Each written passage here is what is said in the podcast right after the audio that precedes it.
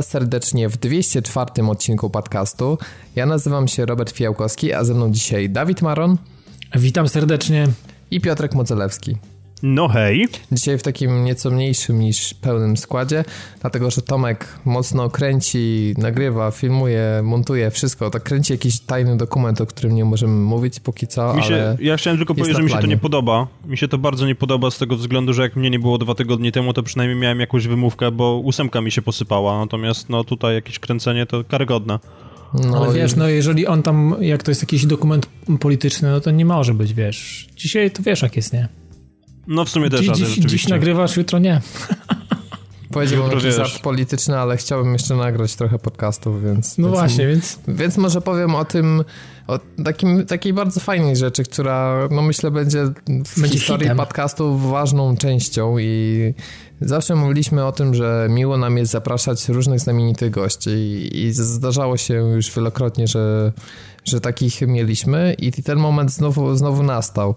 Więc walcząc z sezonem ogórkowym i czekając na Gamescom, no w takim, z takim dość dużym przytupem chcieliśmy mm, e, wam zapowiedzieć, że do naszego wirtualnego studia zawita Marcin Przybyłowicz, który jest kompozytorem muzyki do trzeciej części Wiedźmina i wypytamy go o różne rzeczy związane i z Wiedźminem, i w ogóle z komponowaniem muzyki do gier, ze współ, współpracą z innymi osobami, które też przyczyniają się do, do, tego, jak wygląda muzyka, czy w ogóle warstwa dźwiękowa w grach.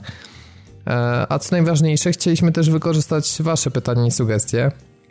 No i tutaj plus będą miały te osoby, które odcinek e, słuchają zaraz po premierze, bo e, tak e, naprawdę macie czas do wtorku, bo podcast pojawi się jakoś w ciągu dnia wtorek 9 i macie czas do godziny powiedzmy 20 ponieważ z naszym gościem planujemy rozmawiać bliżej 21, żeby napisać najlepiej na grupie mm, lub też na przykład pod odcinkiem podcastu na stronie padtv.pl lub na Twitterze jeszcze ewentualnie. W sumie, w sumie, w sumie, Robert, można zrobić tak, że do, do połowy środy, bo w środę, w środę i tak nagrywamy z gościem, więc w sumie mamy dwa dni tak naprawdę, tak? No dzisiaj jest poniedziałek, to jest wtorek. A tak, bo mi się pomniło. Dobra, masz rację, masz rację.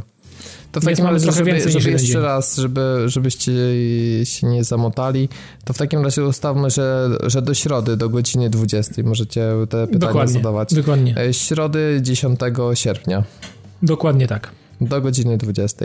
E, tylko oczywiście zastrzegamy sobie prawo, że nie wybieramy wszystkich pytań, tylko te najciekawsze i też w takim momencie nie robimy sztywnego podziału na pytania od słuchaczy i pytania nasze, żeby nie burzyć flow rozmowy, tylko po prostu będziemy się starali e, w zależności od tego, jak się potoczy rozmowa, wrzucać i rozszerzać te wątki, więc, więc no postarajcie się o kreatywne pytania, bo to też od was zależy, na ile nam się uda pociągnąć gościa za język i no też wydobyć coś, żeby to nie był taki kolejny standardowy wywiad, gdzie to samo się słyszy i, i osoba rozmawiająca na, w ten sam sposób odpowiada, tylko żebyśmy no, postarali się coś wydobyć unikalnego w rozmowie, bo to zawsze sukces odcinka czy, czy tych pytających, jeśli, jeśli coś takiego się uda zrobić. E, tyle jeśli chodzi o parafialne i od razu lecimy do e, naszych dzisiejszych tematów. I tu od razu uruchomię Piotrka, który czasami uruchamia się dopiero pod koniec odcinka, ale dzisiaj będzie aktywny od samego początku. A to dlatego, że aktywne ostatnio jest Bungie, które wysypało nam całą masę informacji do nowego dodatku.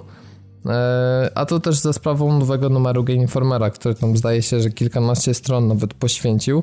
Oczywiście mm, my nie czytaliśmy jeszcze magazynu, ale masa informacji obiegła internet, wiele pisało się na forach, więc myślę, że prawie z pierwszej ręki Piotrek ma już te informacje, więc... Mówisz, że nie czytaliśmy jeszcze, zamierzasz w ogóle go faktycznie czytać?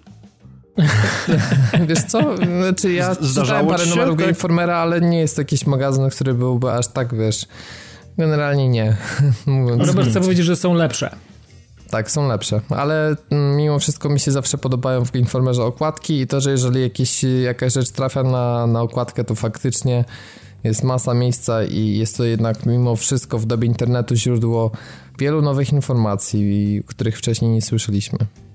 Czasami fajnie jest o grze poczytać, a nie wszystko widzieć na streamie czy w, w, w jakichś e, materiałach wideo, bo zostawia to trochę takie pole do własnej interpretacji. Pamiętam, że kiedyś oczekując na gry, to trochę sobie sami budowaliśmy jej obraz tymi wszystkimi tekstowymi zapowiedziami, a dzisiaj to bardziej się skupiamy na tym, że widzimy, nie wiem, braki we framerate w jakiejś wczesnej wersji i zastanawiamy się, czy ta gra graficznie będzie wyglądać.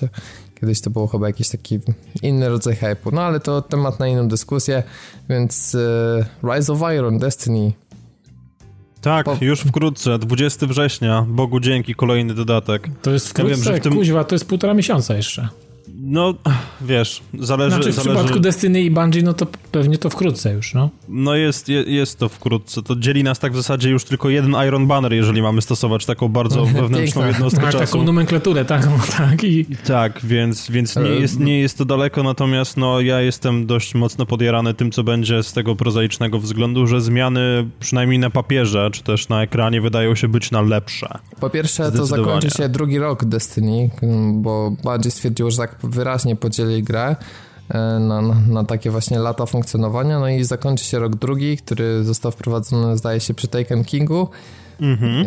I, i teraz zacznie się rok trzeci. Pierwsza rzecz taką, którą ja dodam ze swojego takiego e, bardzo casualowego podejścia, co mi się osobiście podoba, to jest to, że nie będzie już takiej sytuacji jak sprzed roku, że przedmioty są głównowarte, te, które posiadamy, obecnie, e, ponieważ wszystkie przedmioty zdobyte w roku drugim będą mogły zostać zupgrade'owane na wartości damage'a, czy jakieś tam po prostu na wartość lightu, która odpowiada tym nowym wymaganiom, czy no, nowemu poziomowi, więc nie ma problemu, możemy dalej biegać z tym, co mamy, jeżeli będziemy chcieli, tylko wymienimy po prostu te staty za, za lepsze przedmioty, które znajdziemy w trakcie przygody w nowym dodatku. Tak, wymienimy, albo też nie wymienimy, natomiast no, wiemy, że light podniesiemy do 385, czyli dokładnie o 50 punktów w stosunku do tego, co jest obecny, natomiast wraz z pojawieniem, z pojawieniem się nowego rajdu Wrath of the Machine podniesiemy go do 400. Jest to dość ciekawa sprawa z tego względu, że poprzednio na rajd musieliśmy, może inaczej, do tej pory było tak, że rajdy pojawiały się wraz z kolejnymi dodatkami, czy tam po starcie gry i to mijało kilka ładnych tygodni, natomiast teraz Bungie sugeruje, że mogą to być nawet 3-4 dni, więc... E, Szybko. No, wszyscy, wszyscy hardkorowcy będą musieli przysiąść, przedrzeć się przez fabułę i wbić się na odpowiedni poziom, żeby w ogóle móc pójść na ten rajd, który maluje się, no dla mnie przynajmniej bardzo ciekawie z tego względu, że mam serdecznie dość tego ekwipunku od, od, od Hive'ów i od Takenów, które były przez ostatnie dwa rajdy. To jest kwestia oczywiście gustu, tak? I, i tego, że po prostu design mi nie odpowiada. Nie bo... również, ja uważam, że no, niestety... nie sprawdziło się to. Niestety bronie z poprzedniego rajdu wyglądają trochę jak mokry pies, który nie ma na sobie w ogóle sierści, więc no to, to nie jest fajne, szczególnie, że parują z różnych otworów i to... No nie, te, te bronie z pierwszego rajdu z Woga są o wiele fajniejsze i wygląda na to, że bronie, które będziemy mieli teraz też będą takie trochę bardziej techno, więc no no, zobaczymy. Sam ja osobiście... ma się też rozgrywać na otwartym przestrzeni, co też będzie taką innowacją, bo do tej pory nie mieliśmy żadnego takiego typowo otwartego rajdu, tylko raczej nawet jak były to jakieś takie fragmenty otwarte, to mimo wszystko ta duża korytarzowość się, dała się mm, we znaki. No tutaj już, tu, tutaj mamy mieć, zdaje się, że na ziemi ten rajd rozgrywający się i na otwartej przestrzeni, więc zobaczymy jak to wyjdzie. No przede wszystkim też będzie nowa miejscówka na Ziemi, tak? Wyjdziemy za mur i będziemy mogli sobie obserwować Shivę, więc tam jakąś radosną abominację, która jest mutacją Folenów, coś w tym stylu. Nie wiem, jeszcze w każdym razie design przeciwników wygląda bardzo fajnie. No i w końcu nowa e... lokacja, tak? No bo to jest... Mm, znaczy do tej pory mieliśmy tak, że poza tym Dreadnoughtem to cały czas były lokacje, które, znaczy w ramach tych samych lokacji mieliśmy po prostu znowu recycling assetów, tak? No powiedzmy, że na ziemi ewentualnie tam trochę się otworzyło nowego, ale teraz chyba będzie to największy skok od czasu premiery, jeśli chodzi o dostępny ten grze. To znaczy, no na pewno będzie to też duży skok z tego względu, że pojawi się zupełnie nowy social space i wiadomo też, że pojawi się nowa arena, więc no jakby jest tak, że, że dostajemy, dostajemy cały pakiet, tak? Nie ma tak, że rzucają nam po prostu jakieś ochłapy, przy czym jest też nadzieja, że w końcu po raz pierwszy będą to rzeczywiście kompletnie nowe miejscówki i, i, i nowe rzeczy, no bo mimo faktu, że Taken King teoretycznie był nam przedstawiany jako swego rodzaju mesjasz i że miały się tam pojawić miejscówki, które są zupełnie nowe, to dostęp do nich był tam różnymi szemranymi sposobami zdobywany wcześniej poprzez gliczowanie się przez ściany, e, więc no fajnie no, jakby, że Tak, więc to było pokazanie, że tak tak naprawdę to było od premiery, tylko to zostało wycięte po prostu i, i wrócili do tego po czasie. Fajnie też to, że dynamiczne warunki pogodowe i to, że w Old Rushi mm, prawdopodobnie będzie śnieg. Nie wiem, Znaczy nie, nieprawdopodobnie, to wiadomo, że będzie śnieg, nie wiemy tylko, czy on będzie dynamiczny, tak? Czy będzie tak, że po prostu wyjdziemy sobie i on stopniowo będzie padał, czy nie.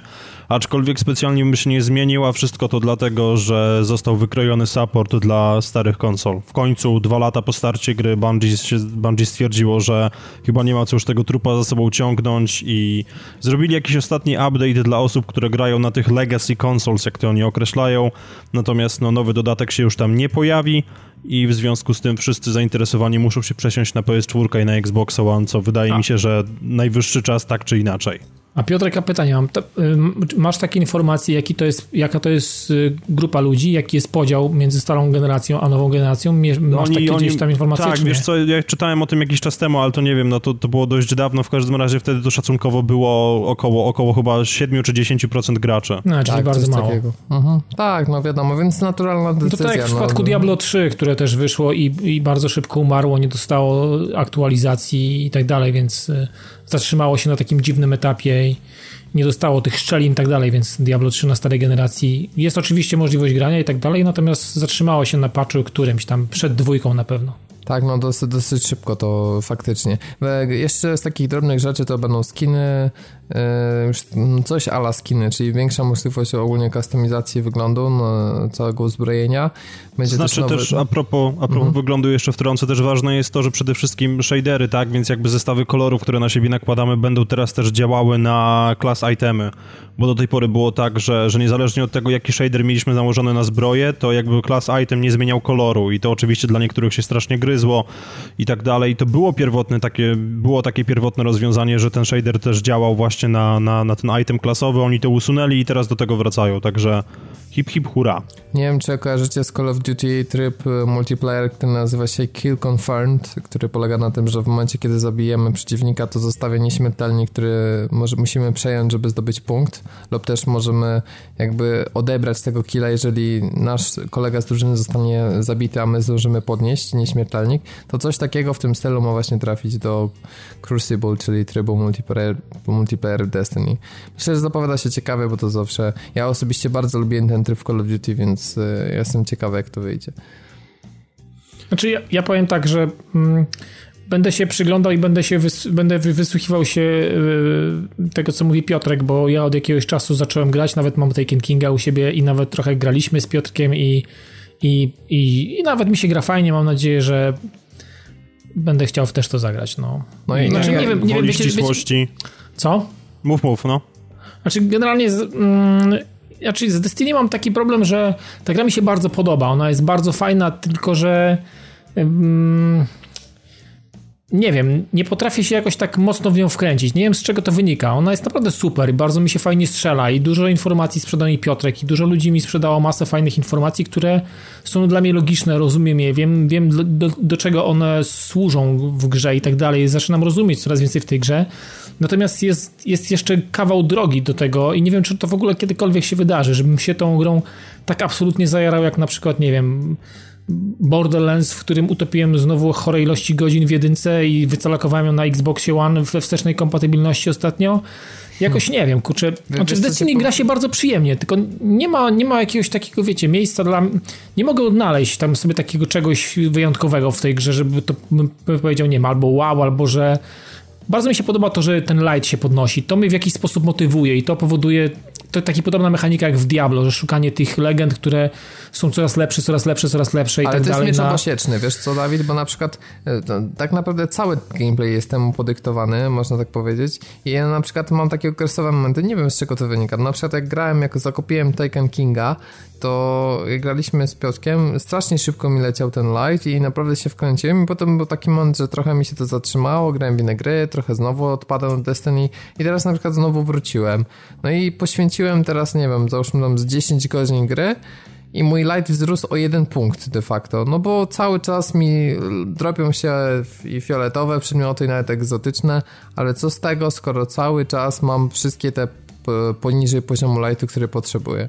No i to jeżeli w kółko gram to samo, czy tam różne aktywności i gram PvP nic nie leci, gram areny mhm. nic nie leci, no to pogram jeszcze, nie wiem, z 5 kolejne 10 godzin, jak znowu mi nie wzrośnie, to pewnie znowu się zdenerwuję i na jakiś czas nie będzie mi się chciał grać w Destiny. I tu mam ten problem, że ten system rozwoju on jest taki nieprzewidywalny, on jest tak polega na szczęściu po prostu, że to jest wkurzające. Za mało jest takich, moim zdaniem, mimo wszystko aktywności, które jakąś dają ci pewność, no bo równie dobrze możesz sobie pójść, nie wiem, do kryptarcha, tego, który tam identyfikuje przedmioty, mm -hmm. też zakupić mm -hmm. tam jakiś engram, no ale znowu musisz mieć szczęście, tak? Bo możesz trafić na jakiś tam przedmiot klasowy, który i tak już masz, który jest najmniej ci do szczęścia potrzebny. No, no nie wiesz de facto, co tam będzie. Albo się okaże, że mimo, że to jest jakiś e, przedmiot legendarny, to i tak będzie strasznie beznadziejny i za chwilę go rozłożysz. Nie, no A jak z... kupujesz u kryptarcha engram, no to wiesz, na co kupujesz ten engram. To nie jest tak, że kupisz engram jakiś randomowy, one są podzielone. No ale Więc nawet jeżeli już... kupisz na Chesta na przykład, no to może się okazać, że będzie miał beznadziejne staty poboczne albo że będzie miał niski poziom tego no, lightu. No to jest fakt. Znaczy, wiecie co, no, znaczy, Strasznie może, randomowość może, mnie wkurza w tym rozwoju może, postaci. Może, może to z tego, z tego też wynika, że wiecie co, na przykład jak w Diablo, czy w Diablo 3 ten system lutu jest bardzo fajny, on jest taki bardzo transparentny dla, dla gracza, on wiesz, wiesz co się będzie działo, wiesz jak coś ci wypada, to praktycznie spodziewasz się czegoś i spodziewasz się na pewno lepszego, bo gra jest tak zaprojektowana. Na przykład, ale teraz spędziłem masę godzin w Borderlands 1 i na przykład uzyskanie Pamiętacie, w jedynce są takie bronie perłowe. E, ich jest bardzo mało, ich jest kilkanaście w sumie w całej grze. Mm, wcześniej są takie bronie w, w kolorach, o różnych odcieniach żółtego i pomarańczowego. One tam różnie, różnie lecą. I wiecie, na przykład też mnie to wkurza, że tam też trzeba poświęcić masę, masę czasu, żeby coś fajnego wyleciało. Grając Rolandem lecą mi na potęgę lecą mi na przykład żółte i pomarańczowe shotguny, których w ogóle nie, nie używam i po prostu sprzedaję je absolutnie. Więc to też jest denerwujące. Ja myślę, że podobnie, znaczy dopóki wiecie co, nie dobiję w Destiny do jakiegoś poziomu i wtedy się faktycznie zatrzymam, bo teraz wiecie, praktycznie cokolwiek wypadnie, to zakładam light o, o 2, o 3 czasami, tak? Od razu leci w górę, nie? Natomiast yy, myślę, że jak znajdę, dojdę do takiego etapu na którym wy jesteście i faktycznie szukanie mm, czegokolwiek, co podbije o jeden, e, będzie trwało chorej ilości godzin, to możliwe, że też w jakiś sposób e, to mnie zniechęci do grania. No, do grania. No, szczególnie, że i tak nie jestem specjalnie e, jakoś, wiecie, tak, nie siedzę w Destiny bardzo mocno i mm, jestem na, znaczy chodzę po takiej cienkiej linii, wydaje mi się, że jeżeli gra nie zaoferuje mi czegoś fajnego za, w momencie, kiedy będę już na tym takim mm, poziomie no mówię tak jak wy, no to wtedy, wtedy myślę, że bardzo, bardzo szybko spadnę w tą po prostu przepaść i otchłań, z której będzie ciężko mi, wiecie, wrócić do, do tej gry. No tak myślę, że tak może być, no tak podejrzewam. Ale nie wiem, może tak będzie, może będzie inaczej, nie wiem. Trudno mi powiedzieć jeszcze teraz, dzisiaj.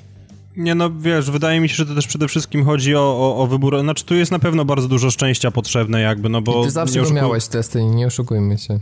Tak, szczególnie, że czekałem jak Gary na rok, no to rzeczywiście jest po prostu szczęście jak jasna cholera. No właśnie. Ale no, ale nie zmienia to faktu, że, że jest ten wspaniały Aaron Jesus, jak to się ładnie mówi. I, i, I, jeżeli Jezus ci nie da, no to, to, to, to masz problem. Ale od czego on zależy? To jest tak, że na jakieś, na, na twojej postaci, na twoim koncie, on zależy od dnia, czy po prostu jak masz pecha, to już masz pecha i będziesz miał pecha, chociażby coś, co się nie... Nie mam, nie mam zielonego pojęcia, no to jest niby generator liczb losowych, ale wiesz, ale no, czy, czy, czy on jest ustalany jakoś odgórnie dla konta i tak jak Sony zwraca zawsze cztery, no to nie potrafię ci niestety powiedzieć. Natomiast, no wiesz, prawda jest taka, że te engramy niektórym się sypią jak durne, innym się nie sypią w ogóle. No ja wiem, że u siebie, u siebie w tej chwili na Warlocku, którego męczę od premiery, mam, nie wiem, tam 150 któryś level u Kryptarcha i to po prostu, no, samo od siebie jakby bije. Więc to, to z jednej strony to jest właśnie kwestia tego RNG, tak, i szczęścia, a z drugiej strony to jest kwestia aktywności. Ja ostatnio, i tutaj takie małe sprostowanie, jeżeli się dziwicie, że grałem z Dawidem w Destiny, to czy chodzi o to, że Dawid kupił PS4? Nie, Dawid nie kupił PS4, ja kupiłem Destiny na Xboxa. Z Pozdrawiam. Kingiem. Tak, z Taken Kingiem. E, ale właśnie chodzi, chodzi o to, że ja się wbiłem na jakiś strajk, na który teoretycznie w ogóle nie powinienem prawa wejść, bo, bo, bo bym po prostu zaraz zginął. Jakaś dwójka przemiłych ludzi mnie przeciągnęła i efekt jest taki, że mając tam light na pułapie 250 wypadł mi class item na 300. Więc no to jest też kwestia takiego trochę porwania się z motyką na słońce i grania z innymi ludźmi, którzy cię przeciągną, ale wtedy po prostu jakby masz no niemalże gwarancję, że dostaniesz coś, co rzeczywiście będzie warte, no, warte zachodu. No ale z drugiej strony wiesz, no to dochodzisz do też takiego pułapu, że i tak, no wiesz, grasz areny, które miały, miały według zapewnień twórców sypać lód na nawet na poziom 335, tak? Te najwyższe później po aktualizacji, jak powróciły. Nie wiesz, z arenami jest taki problem, że my, my jeszcze tej, tego naszego ranu nie przeszliśmy, a tam raczej z aren wypada po prostu e, gier, gier, który wypada na arenach jest raczej gówno warty, ewentualnie jakiś egzotek, który dropnie na koniec może być rzeczywiście fajny i, i, i mieć wysoki poziom, natomiast rzeczywiście ten, ten, ten gear, który tobie jest potrzebny, o którym mówisz i którego tak łakniesz, to jest w momencie, kiedy skończysz bilet i pójdziesz do Warixa odebrać paczkę. Więc no, no wczoraj, wczoraj... Mhm. Wczoraj ci paczka wypadła, to na ile dostałeś broń? Na 294. Okej, okay, nie było tematu, masz mało szczęścia. No, no i właśnie to jest Destiny. No, o, o, o, I o tym jest mowa, nie? No, no ale to zobaczymy, no czas pokaże. No ja na razie, na razie wgrywam co jakiś czas, jest spoko, no. E, żeby nie wchodzić już za bardzo w szczegóły, to chyba tyle jest informacji o dodatku. Nie, no można ewentualnie jeszcze powiedzieć o tym, że będą tam pewne zmiany w gameplayu, tak? Ponieważ przede wszystkim e, będzie zupełnie zmodyfikowany koncept artefaktów, który został wprowadzony w zeszłym roku i de facto było to po prostu gówno, które ciągnęło ci light w dół i sprawiało, że zadawałeś mniej, mniej damage'a przeciwnikom, natomiast teraz rzeczywiście będzie ten artefakt zapewniał jakieś tam pasywne umiejętności, które mogą się przydać i które będą ułatwiały rozgrywkę i ciekawe jest po prostu to, na jakiej zasadzie e, rzeczywiście będzie to wpływało na sposób, w jaki gramy, a inna sprawa jest taka, że po raz kolejny zostaną nowe egzotyki nam dorzucone do gry, więc między innymi wróci znienawidzony przeze mnie Thorn z pierwszego roku, czyli taka kołkownica strzelająca gwoździami, które cię zatruwają i to po prostu jest przekleństwo w PvP. Jeżeli grasz Tornem, to wiedz, że cię nie lubię, od razu mówię, słuchaczu. Eee, poza tym też pierwsza broń, to jest w ogóle taki fajny zabieg dla osób, które jakby są z tą grą dość długo i przechodziły początek kilka razy i tak dalej. Fajne jest to, że pierwsza broń, którą znajdujemy w grze. Tak, to jest, to jest, to jest Kostow, Boże, już nie pamiętam jaki on ma symbol, no ale mniejsza o to, tak? 7G, coś tam. W każdym razie Kostow teraz powróci, bo to była pierwsza broń, którą znajdowaliśmy z jakimś tam śmiesznym damage'em, e, którą, którą mieliśmy dopóki nie doszliśmy na tower pierwszy raz, natomiast ona teraz powróci jako egzotyczny auto rifle i wygląda na to, że Bungie się trochę nauczyło i będzie nam dawało trochę większą kontrolę nad tym, jak niektóre broni będą się zachowywały, ponieważ właśnie ten Kostow, może to będzie szczególny przypadek, nie wiem. Natomiast Kostow będzie miał po prostu możliwość selekcji tego, w jaki sposób strzela, czy jest to pełny, tryb w pełni automatyczny, czy krótkie serie, czy w ogóle pojedyncze kulki i naprawdę jest bardzo dużo opcji kustomizacji tej broni, więc jeżeli oni pójdą dalej tą ścieżką i będą jakby nam pozwalali mieć taką większą kontrolę nad tym, jak te egzotyki się zachowują, to myślę, że naprawdę strzelanie może być jeszcze przyjemniejsze chociaż może być trudno w to uwierzyć. Tak, no generalnie 100 kombinacji ma być tej broni, więc ciekawe, czy to taki ma być jedy, jedyny przypadek, czy faktycznie to jest e, coś, co pokaże, że przyszłe broni będą miały równie zróżnicowane. No zobaczymy, to... jeszcze, mhm. zobaczymy jeszcze, co będzie z Gjallarhornem, bo Gial powraca i ciekawy jestem... rakietnica dla tych, co nie wiedzą. Egzotyczna, egzotyczna rakietnica. Okay, zawsze mylę ze, no. ze statusem legendy, może w ten sposób, bo mhm. niektórzy czekali na nią rok, mimo faktu, że mieli nabite godzin, więc, więc no, zobaczymy. Ale tak, Robert, już, już możesz zamykać. Paweł Matula na pewno się ucieszy, bo tam już psioczył w komentarzach, jak mówiłem, że będę mówił na temat Destiny, no ale to już. Pawle, przeżyłeś. Witamy wszystkich bardzo serdecznie e, w sekcji po Destiny, tych wszystkich słuchaczy, którzy przewinęli podcast e, e, właśnie do tego momentu. E, już zostawiamy temat e, Wiesz co, niech się cieszą, że ja nie mówię o Overwatchu i nie mówię o Diablu przy, każdy, przy, przy każdym patchu, bo... bo A kończy się bo... sezon w Overwatchu, kończy się sezon w Diablo i zaczyna się nowy i jest nowy patch, więc jest o czym mówić, więc No naprawdę, jest o czym mówić. Wiedzcie, że dla... to ojciec zrobi wam łaskę. Naprawdę. To naprawdę. Znajcie łaskę ojca, no. I znajdźcie też łaskę Nintendo, chociaż niezbadane są wyroki japońskiego producenta, który potrafi zrobić rewolucję na rynku mobilnym, po czym stwierdzić, że nie jest za to odpowiedzialny i tyle zyskać na rynku akcji, co stracić. Ale również, no przede wszystkim, no teraz uwaga będzie skupiona mm, w kierunku Nintendo NX, które zostało potwierdzone, że pojawi się w marcu przyszłego roku, ale wciąż nie wiemy, jak konsola ma wyglądać. Słyszałem plotki, że we wrzesień to jest ten, ten miesiąc, kiedy wreszcie poznamy wszelkie wszelkie informacje na temat tego, jak konsola będzie wyglądać. Nie spodziewajcie się, bo Nintendo na Gamescomie tam tradycyjnie się nie zjawi. Przynajmniej w takiej formie oficjalnej, konferencyjnej, pokazywania czegoś nowego. E, więc tak, no, plotki wyszły, bo dosyć mocne i z wielu różnych źródeł, e, więc no, myślę, że mają spore szanse na to, żeby się potwierdzić. Z jednej strony one trochę potwierdzają to, co już słyszeliśmy od kilku ładnych paru miesięcy, ale z drugiej strony dodają też e, nowe spojrzenie na całość. I tak Nintendo NX może się okazać, że będzie dosyć tanim e, handheldem poniekąd, czy taką hybrydą, która z jednej strony będzie posiadać bardzo mocny mobilny procesor, Tegrę X1, to jest zeszłoroczny najmocniejszy chip, bądź też wersja X2, która jest jeszcze On mocniejsza. był w Shieldzie, czy nie? W e, Nvidia Shield Android Tablecie. TV. Okej, okej, okej. E, Tam jest. Ale to. chyba w tablecie też był, był Nie, w X1. tablecie był chyba K1, z tego co kojarzę. Ale No dobra. zawsze jak tak zadajesz pytania, to jest specy- bardzo łatwo, wiesz, tak z pamięci nie trafić i potem będziemy mieli w komentarzach, więc Nie no wiesz, z drugiej strony jest my jesteśmy pop. prostymi ludźmi, którzy grają na konsolach, więc modele procesorów to nie jest do końca nasza działka, więc sorry, ale... To tak się pod no, powiedzmy, że to jest jeden z topowych, topowych chipów mobilnych, który mocą spokojnie wyprzedza to, co oferowała poprzednia generacja i jest w stanie, powiedzmy przynajmniej ta Tegra X2, zaoferować coś, co jest poniekąd zbliżone do Xboxa One, przy czym pamiętajmy, że na pewno ta konsola w wersji handheldowej będzie miała niższą rozdzielczość ekranu, bo szczerze wątpię, żeby Nintendo poszło w Full HD. Raczej spodziewałbym się, no mam nadzieję, że nie witowe 540p, tylko raczej przynajmniej te 720. To, to już, to już no niestety czas pokaże. No i teraz jest jeszcze rzecz bardzo ważna, czyli mm, ma być do tej konsoli komponent stacjonarny, który po podłączeniu możl- umożliwi nam granie stacjonarne, granie przy użyciu telewizora. No i są też plotki, że może to być jakaś specjalna stacja dokująca, która spowoduje, że dzięki wyższemu napięciu procesor będzie na przykład mocniej podkręcony i będzie jakby w 100% e, swoją wydajność oferował. I w ten sposób będziemy mogli na przykład mieć na telewizorze Full HD powiedzmy, albo przynajmniej upscalowane Full HD, czyli na przykład nie wiem 900p i właśnie, które lepiej jednak się sk- skaluje do, do Full HD i w ten sposób niejako NX ma pełnić rolę tej, tej hybrydy. E, Dodatkowo jeszcze kończąc blok informacyjny, zaraz przejdziemy do naszych opinii. E, Do konsoli miałoby być kartridże. E, Sugerowana pojemność to 32 GB, tak jak je słyszeliśmy. E, I dodatkowo ta konsola ma też oferować jakieś odłączane elementy kontrolera, które umożliwią nam granie w multiplayer bez konieczności do kupowania oddzielnych padów, przy czym mowa o kanapowym koopie bądź multiplayerze. Jak wam się to w ogóle wszystko widzi? Może Dawid na początek, jak to usłyszałeś, to sądzisz, że to coś fajnego, czy jeszcze bardziej uważasz, że Nintendo to dziwaki i w ogóle nie patrzysz w ich stronę?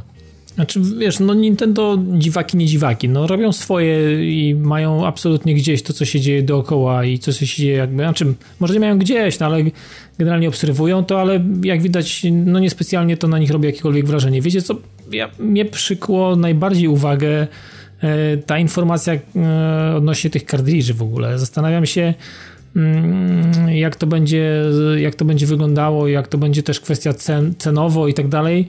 I zastanawiam się, czy to w jakiś sposób, chociaż e, z drugiej strony, jak o tym myślę, mm, odnośnie, odnośnie graczy, mm, tych, którzy pamiętają rzeczy kardyrzowe, którzy pamiętają, wiecie, fantastyczne kardirze, które świetnie się nosiło w kieszeniach od Game Boya na przykład i mam takich kardirzy kilka w domu, mimo że nie mam Game Boya, ale mam te kardirze e, z jakimiś tam swoimi ulubionymi grami. Zastanawiam się, czy to też nie jest jakiś sposób na, na to, żeby zwrócić uwagę jakiegoś, jak, jakiejś grupy konsumentów e, na tą konsolę i żeby im, nie wiem, żeby, żeby może przypomnieć im w jakiś sposób e, to, co ostatnimi laty w jakiś sposób utraci, utracili, albo może, albo może za czymś tęsknią, czy to nie jest jakaś taka, wiecie, taka, taka, taka trochę zasadzka na nich. Z drugiej strony na, natomiast nie wiem, jak, jak odbierają to gracze młodsi, jak to się, znaczy jak to się wpasuje. Tru, trudno mi sobie wyobrazić yy, yy, ich sytuację, bo, mm, bo oni tych rzeczy nie znają. Natomiast wiecie co, no nie wiem, no jestem obojętny chyba jak na razie do tej, do tej pory.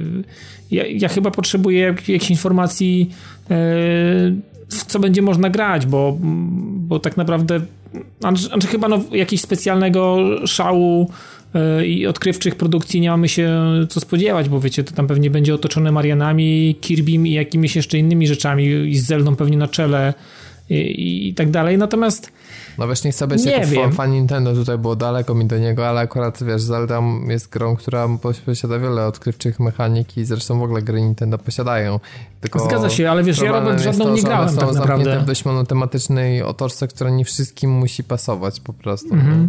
Znaczy ja, ja żadną nie grałem, nie znam w ogóle, znaczy ja Nintendo przestałem mm, mieć styczność i przestałem mm, jakby roz, oglądać się na e, znaczy bardzo szybko, bo ja tak naprawdę jedyna rzecz to był właśnie NES, to był Game Boy i tak naprawdę mm, potem już Nintendo już nie, już nie miałem styczności z tymi, z tymi, z tymi produkcjami, więc ja, ja bardzo szybko z Nintendo zrezygnowałem w ogóle w jakiś sposób. Nie było w otoczeniu, mało ludzi na, na, na tym grało w jakiś sposób, e, więc znaczy ja nie, wyważę, nie wywodzę się z takiego środowiska i z takiego o, e, z takiego otoczenia, gdzie to w jakiś sposób było kultowe. Nie wiem, może, w, może dlatego, że pochodzę z jakiejś dziury i może w większych miastach to, był, to było jakoś bardziej rozpowszechnione i ludzie jakoś, jakoś to istniało inaczej.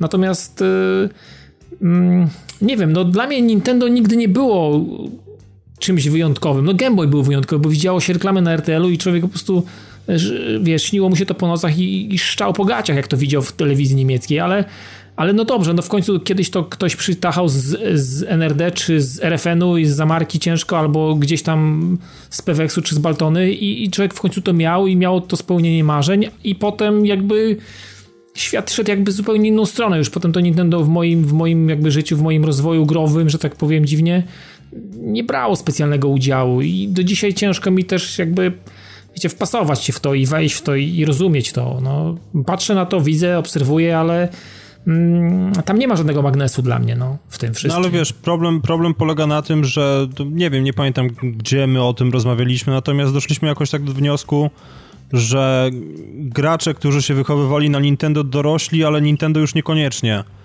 I, i tutaj no może jest też po tak prostu... Tak być, no. Nie, ale wiesz, no wracając, wracając do tego hardware'u radosnego, mi pomysł z cartridge'ami się podoba strasznie. No to mi się, mi się podoba, podoba strasznie. to jest spoko. Nie, nie mi, się, mi się on bardzo podoba z tego prozaicznego względu, że na pewno będzie to o wiele szybsze rozwiązanie, rozwiązanie, a poza tym jeżeli konsola ma być przenośna, no to już Sony eksperymentowało ze swoimi nośnikami optycznymi do konsoli przenośnej w PSP i wszyscy wiemy, że te UMD było diabła warte. Oni, oni tam wprawdzie jakieś cuda wymyślali, natomiast no, te wszystkie obudowy plastikowe, które na to były, które się łamały i, i tak dalej, no to, to, był, to był szajs. Więc bardzo mi się podoba fakt, że właśnie Nintendo, jeżeli pójdzie tą drogą rzeczywiście, to że ją obrało, bo z jednej strony, tak jak mówisz, jest czynnik nostalgii, natomiast z drugiej strony po prostu jest sama kwestia praktyczności, tego, że prędkość odczytu będzie o wiele większa, więc krótsze loadingi i tak dalej, i tak dalej. Natomiast no, jako, jako zwolennik raczej dużej mocy obliczeniowej, to nie jestem do końca przekonany co do konceptu tego właśnie, że żeby pakować do, do środka tę grę X1 czy tam X2, w zależności od tego, jaki mają układ z, z Nvidia i czy, czy rzeczywiście te, te obecne devkity to są jakieś placeholdery po prostu ze starszymi procesorami, no nie wiem. Nie podoba mi się to tak do końca, nie podoba mi się też fakt, że ewentualnie mielibyśmy grać w rozdzielczości 720p. Wydaje mi się, że e, jeżeli by już pakowali coś na tyle mocnego jak ta X2 załóżmy, to ceny ekranów Full HD w tej chwili no, nie są raczej jakieś porażające. A przypomnij sobie, więc... jakie były ceny ekranów w 540p, kiedy 3DS debiutował na przykład, więc myślę, że to podobna sytuacja. No. Ale wiesz co, nie, nie, nie, mi się wydaje, że tutaj bardziej musisz dopasować wnętrzności konsoli do ekranu, a nie, wiesz, cenę, cenę ekranu do, do reszty konsoli.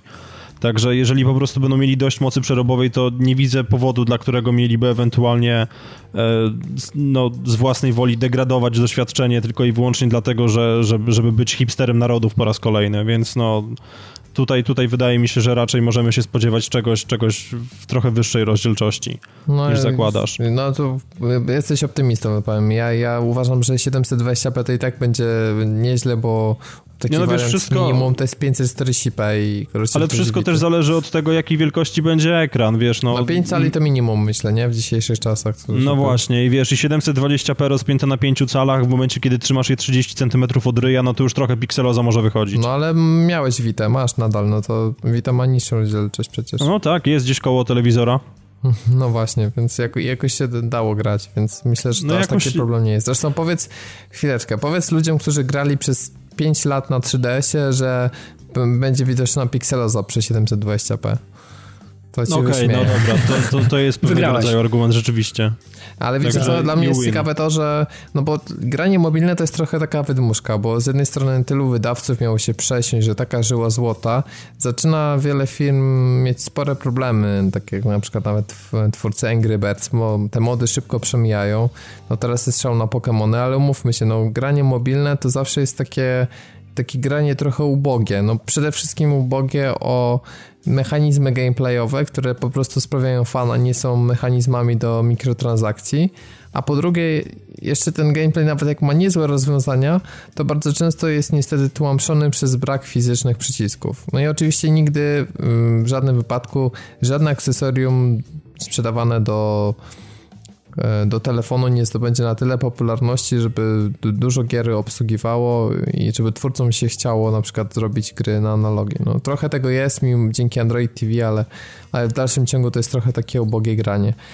No i teraz Nintendo, które chce wjechać e, w rynek konsol przenośnych, to może być taki ostatni, ostatni strzał, no to taka ostatnia próba już teraz w zasadzie jedyna mm, wypuszczenia konsoli mm, przenośnej, więc albo się uda i Nintendo będzie królowało jako monopolista na tym rynku, albo się okaże, że jednak te smartfony i tablety są już na tyle silne, że no niestety, ale będzie porażka. Więc jestem ciekawy, jak to wyjdzie. No, myślę, że mają argumenty, bo jeżeli będzie można grać w gry pokroju Zeldy właśnie na sprzęcie mobilnym, to może mieć sens, tylko Znowuż, zawsze trochę zastanawiało mnie, po co kupować na przykład taką konsolę jak 3DS, żeby grać cały czas w domu. Że w sensie, gdyby był wybór, żeby w te same gry grać na konsoli stacjonarnej, to wiadomo, że lepsze doświadczenie będzie na konsoli stacjonarnej. Więc tutaj ten patent z tym, że możemy mieć e, stację dokującą i grać sobie normalnie na, na TV i na przykład w momencie, kiedy chcemy, załóżmy, nie wiem, zagrać sobie przed snem i wziąć to z, sobie ze sobą do sypialni, no to ma jak najbardziej sens i moim zdaniem to taki, taka jeszcze doskonalsza wersja Remote Playa z tym, że bez żadnych lagów i działająca po prostu dzięki mocy konsoli, więc moim zdaniem to sam sobie patent, jeśli chodzi o założenia, to bardzo pozytywnie i bardzo mi się podoba. Nie, no to jest w pewnym sensie fajne, tylko wiesz, no same gry mobilne jakby nakładają pewnego rodzaju ograniczenia, przynajmniej według mnie. To jest, chodzi o to, że dlaczego miałbym właśnie siadać e, przy, przy ekranie, nie wiem, tam 5 cali powiedzmy w domu, kiedy obok stoi 400-calowy telewizor, więc fajnie, że Nintendo zrobiło coś w tym kierunku, ale z drugiej strony, w momencie, kiedy będą robili gry też pod takim kątem, żeby można było ich doświadczać mobilnie, no to, to może zubożyć po prostu mechanikę, no bo nie zrobisz tego samego siedząc w autobusie, który jedzie po nierównej drodze, co zrobiłbyś siedząc spokojnie na kanapie. No tak, to pytanie na ile tu koncepcyjnie będzie, no bo i tak jeśli chodzi o moc obliczeniową, to tak jak mówię, że być może nawet będzie całkiem bliska Xboxowi One ta moc. Y, nawet jeżeli będzie to słabszy chip, to i tak będzie wielokrotnie mocniejsza konsola od Wii U, więc, więc i tak y, te pełnoprawne doświadczenia growe technicznie jakby są do przeniesienia. No ale z drugiej strony widzisz, to, to ale co nie, mówisz, wiesz autobusie, Robert, ale Zelda jest zapowiedziana i wiesz, w nie, okay, tylko wersji wiesz, ma to, wyjść na NX-a. Z, punktu widzenia hardware'u strasznie dużo różnych rzeczy, wiesz, różnych, różnych problemów rodzi, no bo okej, okay, masz, masz dużą moc, tak, powiedzmy, powiedzmy prawie dorównującą Xboxowi One mhm. i masz baterię, na której to może działać kwadrans. No nie, ja nie powiedziałbym, że kwadrans. No znaczy, no wiesz, to oczywiście godziny, przesadzam, no. tak, ale, ale no mimo wszystko to, to, to, wiesz, w momencie, kiedy będziesz miał po prostu coś tak mocnego pod maską, no to nie ma opcji, żeby to też za długo działało, więc no konsola taka w pełni przenośna, która będzie wymagała gniazdka do działania, no to też jest raczej kiepski pomysł. No, Oczywiście, co, ja, ja tak jak mhm. um, jak tak słucham was, to mam wrażenie, że wrzuciliście do kubła i tablety i konsole przenośne razem. Um, wiecie co, ja mam w domu do dzisiaj i czasami z nich korzystamy w ogóle w domu z dzieciakami. Mam dwie PSP i powiem wam, że nikt nie przyszło mi do głowy, żeby zrównać je e, do tego samego poziomu, co napieprzanie na, po ekranie paluchem na przykład na iPadzie. Dla mnie PSP to są faktycznie jakiś mały odpowiednik PS3 mm, i ja zupełnie inaczej podchodzę do produkcji, które wychodzą, które, które ogrywałem na PSP. Nigdy nie potrafiłem się przywiązać na przykład do, do, do gier i do napieprzania paluchem po ekranie tabletu czy telefonu.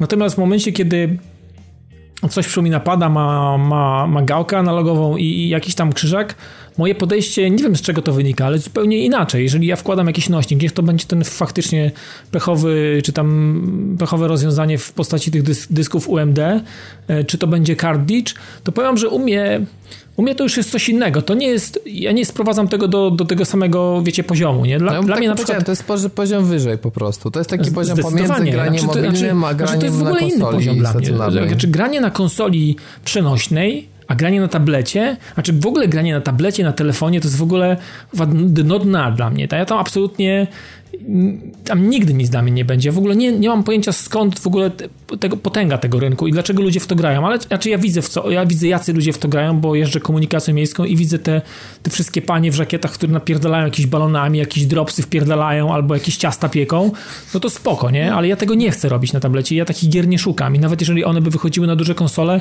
to ja mi nigdy nie, nie grał, ale one nawet na duże konsole nie wychodzą, a jeżeli wychodzą, to, to bardzo szybko zmyk, znikają gdzieś w odmętach tego sklepu i, i nikt nawet nie zapuszcza się w te zakamarki, żeby gdzieś to kupować. Natomiast yy, masę produkcji, które super pamiętam z, z PSP, to jest, wiecie, dla mnie nieporównywalna rzecz z tym, co się dzieje na, na tym rynku, yy, na tym śmieciowym rynku tych gier mobilnych po prostu. Więc dla mnie konsola przenośna to jest zupełnie inny świat w ogóle. Ja tego nigdy nie mieszałem, nie, tego świata.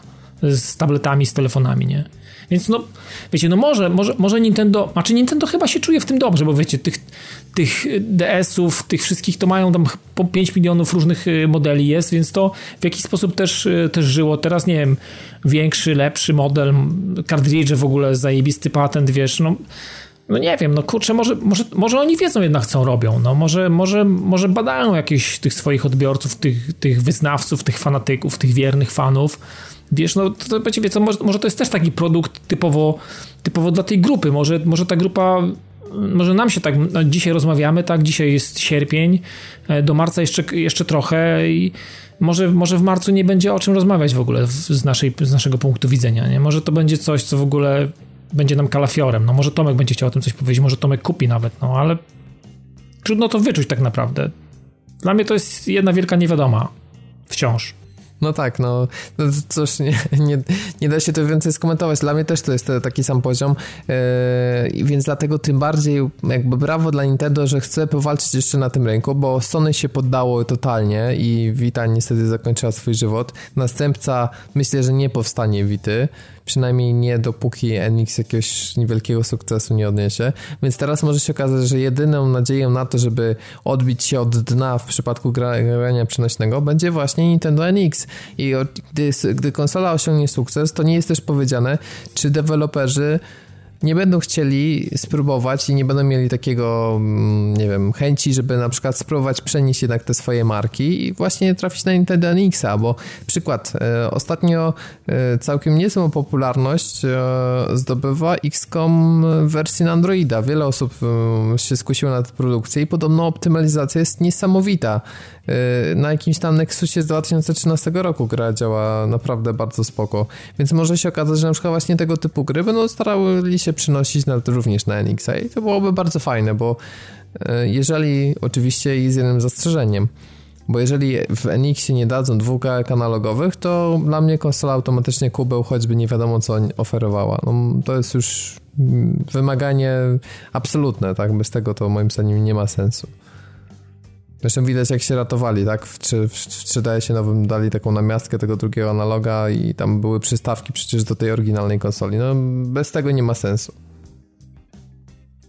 No to Piotrek, masz coś do dodania? Generalnie rzecz biorąc, no może będzie kalafior z drugiej strony, może będzie kalafior ze względów na, na, na brak drugiej gałki, tak jak powiedział Robert, ale... A może będzie gałka w kształcie kalafiora? Uuu, może będzie brokuł. Może edycja, edy, edycja zielona. Nie, w każdym razie najważniejsze jednak paradoksalnie, czy, czy w zasadzie nie paradoksalnie, będą gry. I ja wiem, że jeżeli Nintendo dalej będzie się pławiło w swojej cukierkowości i innych typu pierdach, to ja kijem tego nie tknę. No sorry, dla mnie po prostu fakt, że zostawili odłogiem markę Metroid i tak, powtarzam o nie, to po raz nie, Muszę być chamski, przepraszam, że przerwę, ale nie zostawiło odłogiem. Otóż ostatnio jakiś fanowski remake, rozumiesz, udupili i kazali wycofać serwerów i no. grożą pozwami twórcom, e, którzy rozprowadzali ten non-profit, więc, więc pamiętam pamiętają o marce. Zdecydowanie pamiętają o marce, tylko że nie do końca we właściwy sposób, ale no chodzi po prostu o to, że w momencie, kiedy, kiedy znowu będą po prostu robili tą samą produkcję tego samego i tak, ja rozumiem, że są dorośli ludzie, którzy no jarają się Kirby, ale z drugiej strony są dorośli ludzie, którzy rozdają dzieciom cukierki nafaszerowane różnymi rzeczami, więc to no, nie jest wykładnik czegokolwiek, tak, ale no jeżeli rzeczywiście zostaną po prostu przy swoim dotychczasowym trendzie tych gier, to niezależnie od tego, co będzie w środku, to ja i tak chyba podziękuję. Po prostu. No tak, no ostatecznie od gier. No ja mam nadzieję, że będą wychodzić też gry od innych wydawców i że nie skończy to jako i wyłącznie do gier Nintendo, bo potrzebujemy wsparcia takiego szerszego, no ale jak to wyjdzie, to, oczywiście za wcześnie. E, mam nadzieję, że wrzesień rzeczywiście będzie takim mocnym miesiącem. Kolejne plotki dotyczące pokazywania nowej konsoli dotyczą e, PlayStation 4 Neo, które to ma się doczekać specjalnego wydarzenia w Nowym Jorku 7 września, gdzie wszystkie oczy całego świata i wszystkie reflektory wszystkich fanów konsol będą właśnie skierowane na wydarzenie Sony. Przy czym może się okazać, że wszystko to już tak naprawdę wiemy o tej konsoli. Jedyne co dostaniemy to odświeżony wygląd pada i odświeżony wygląd konsoli, a reszta się wszystko w 100% potwierdzi i premiera na gwiazdkę. Chociaż słyszeliśmy wcześniej te plotki o tym, że już nie byłoby miejsca na półkach dla konsol, więc jestem ciekawy, czy, czy czasem nie będzie obsuwy do marca przyszłego roku. Jak sądzicie, da, dadzą radę w tym roku, czy nie? Według mnie nie. Według mnie muszą mm. dać radę, bo w przyszłym roku będzie po prostu na to za późno w obliczu dudniącego, dudniącej apokalipsy pod znakiem Scorpio. Mogą zrobić tak, że wyprodukują bardzo niewiele egzemplarzy i na przykład w Stanach wcisną jeszcze w tym roku, a na przykład w Europie pojawi się dopiero w przyszłym. Nie, wiesz co, będą... wydaje mi się, że to byłaby mhm. wizerunkowa klapa, oni się tego oduczyli po starcie PS3. Także jeżeli, jeżeli rzeczywiście cokolwiek się w tym temacie dzieje, to podejrzewam, że postawią jednak na jednoczesny start na całym świecie i naprawdę nie będą tutaj nikogo wykluczali, no bo no, no ale muszę pokazać jakieś gry, no bo umówmy się, jeżeli przyjdą z, z, i wyjdą z Neo i powiedzą, wow, mamy teraz 2,4 razy Ale gdzie więcej. oni pokażą te gry, Piotr? I, gdzie i, oni pokażą te gry, Robert? No, no nie wiem, gdzie no, ale pokazać? Co, coś, no, no na tym wydarzeniu w Nowym Jorku, no zasadniczo. Świetnie, kurwa. Fajne miejsce. Znaczy, no, nawet niech sobie pokazują w piwnicy w Bangkoku. Mi generalnie to gówno obchodzi, tylko niech, niech tego jakieś gry będą, bo jeżeli się okaże, że to jest, wiesz, news tylko dla, dla tych, którzy klikają Digital Foundry, no to no świetnie, no. Myślę, że yy, ludzie z brytyjskiej redakcji już zacierają ręce, żeby zrobić masę testów, tak jak fajnie zrobili teraz przy Xboxie One S, ale no nie o to chodzi, no Chodzi o faktyczne, praktyczne no nie, no tak. zastosowanie. Tak. To musi być coś, co rzeczywiście no, z, no, zwiększy nam tak tą jakość do gry i to też nie może być w oparciu o 4K, bo jeżeli się okaże, że tak naprawdę gry będą działać w tych samych detalach, tylko po prostu będą upscalowane do 4K z jakiejś takiej pośredniej rozdzielczości, e, na przykład 1440p, no to, no to co, no jeżeli nie mam telewizora 4K, nie ma go też podejrzewam, nie wiem, z 95% posiadaczy PlayStation 4, no to, no to co, no to nic, pozostanie po, ja już widziałem jakieś testy 8K, więc nie wiem, ze 4K za chwilę okaże się, że wiecie. To znaczy, jedno co śmiech. muszę powiedzieć, no trochę to jest temat poboczny, nie związany z graniem, ale moim zdaniem 4K samo w sobie to nie jest żaden big deal. Natomiast jeżeli no chodzi pewnie, o HDR, to tutaj no, zobaczymy, jak to wyjdzie w grach, ale uważam, że jeśli chodzi o filmy, to naprawdę jest, robi to niesamowitą różnicę i jeżeli jest prawdziwy HDR, a nie taki symulowany, bo znowuż jak przy każdej zmianie technologii mamy do czynienia z e, filmami, które obsługują to natywnie, takimi, które mają to emulowane, gdzie ten efekt jest dużo słabszy, więc znowuż to, to, to doświadczenie może być u, u różnych osób różne i to też zależy od telewizora. Natomiast moim zdaniem HDR to jest faktycznie rzecz, która jest fajna i może mnie przekonać Ej, ale chłopaki, no, nie wiem, może, może pamiętacie, ale poprawcie mnie. Czy technologia HDR nie pojawiła się już yy, w momencie, kiedy pojawił się Half-Life drugi i pierwszy epizod na przykład do niego?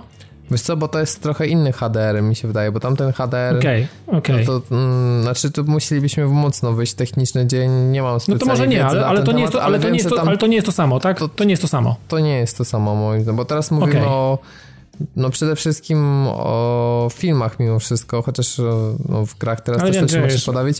E, no, może zostawmy tak temat, no bo na, na pewno ktoś mhm. w komentarzach, ale generalnie mi się wydaje, że to nie jest to samo, technologia jest dużo bardziej zaawansowana i... Znaczy wiesz, technologia HDR na konsoli w filmach mnie głównie obchodzi tak naprawdę, bo ja nie po to, nie, nie oglądam filmów w ogóle, a już na konsoli nie będę ich w ogóle oglądał, nigdy nie będę ich oglądał, więc tak naprawdę jeżeli to się faktycznie ma odnosić tylko i wyłącznie do filmów, a w grach może zobaczymy w Gearsach trochę czegoś albo na miastkę czegoś, no to okej, okay, no ale to to, to, jest, to jest nic. To tak, to, zaczyna mi to przypominać trochę takie, yy, wiesz, pokazywanie, pamiętacie 3D, nie? I gry 3D i w ogóle wypas, nie? I technologie w ogóle. Nie, wiesz co, nie da się, nie da no się to... postawić znak równości między zeszłogeneracyjnym 3D a obecnogeneracyjnym HDR tego generacyjnym... Znaczy, ja nie, nie, stawiam, okay, ja nie stawiam, ja nie stawiam znaku równości. Ja rozumiem, o co chodzi. To, tak, żeby, żeby, żeby wiesz, ja o co rozumiem, chodzi. o co chodzi, znaczy, ale wydaje mi się, że tego generacyjnym 3D jest 4K, które jest nikomu niepotrzebne tak de facto i po prostu będziemy teraz mieli jeden wielki wyścig i z jednej strony wydaje mi się, że to fajnie, że wyjdzie mocniejsza PS4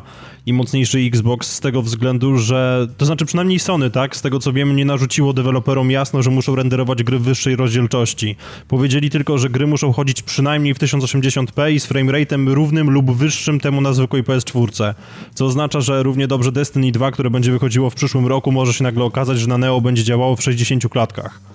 Więc no to, to jest to. Nie ma, nie ma mhm. jakby odgórnie narzuconego tego, że musicie wyśrubować tą konsolę tak, żeby renderowała w 3200 na 1800, podbijała do 4K, że po prostu jakiś tam procent ludzkości mógł się brandzlować przy tym, jakie mają zajebiste telewizory.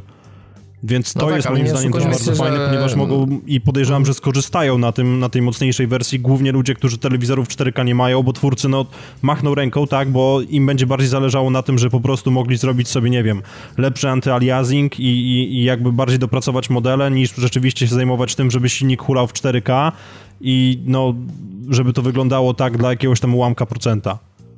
No mam nadzieję, no, aczkolwiek no wciąż nie wiemy, no i liczymy właśnie na tego typu konkrety, że padną jednak e, w Nowym Jorku na prezentacji. No i te różnice w grach to też powinny być jednak większe, no um, umówmy się, jeżeli to jest konsola, która ma jakby uzasadniać wydatek, to, to nie tylko liczymy na większą ilość klatek, ale przydałoby się, żeby ta, ta grafika była no, zdecydowanie lepsza, tym bardziej, że jeżeli Sony pokaże coś, co kompletnie nie będzie się różniło od PS4 z wyjątkiem jakichś tam drobnych usprawnień graficznych, czyli jeżeli będzie to różnica na poziomie, nie wiem, detali, tak jak mamy konsole teraz, to one są zazwyczaj średnie PC-owe, załóżmy, że wysokie PC-owe będą na Neo, no to, to absolutnie uważam, że przy graniu na telewizorze z większej odległości to będą różnice naprawdę minimalne. No, oczywiście, jeżeli Digital Foundry będzie powiększać i stopować klatkę i powiększać ją 300-krotnie, to zobaczy, że o 17,5 piksela jest y, krótszy zakres rysowania cieni na trawie w momencie, kiedy wiatr jest jeszcze bardziej podkręcony, ale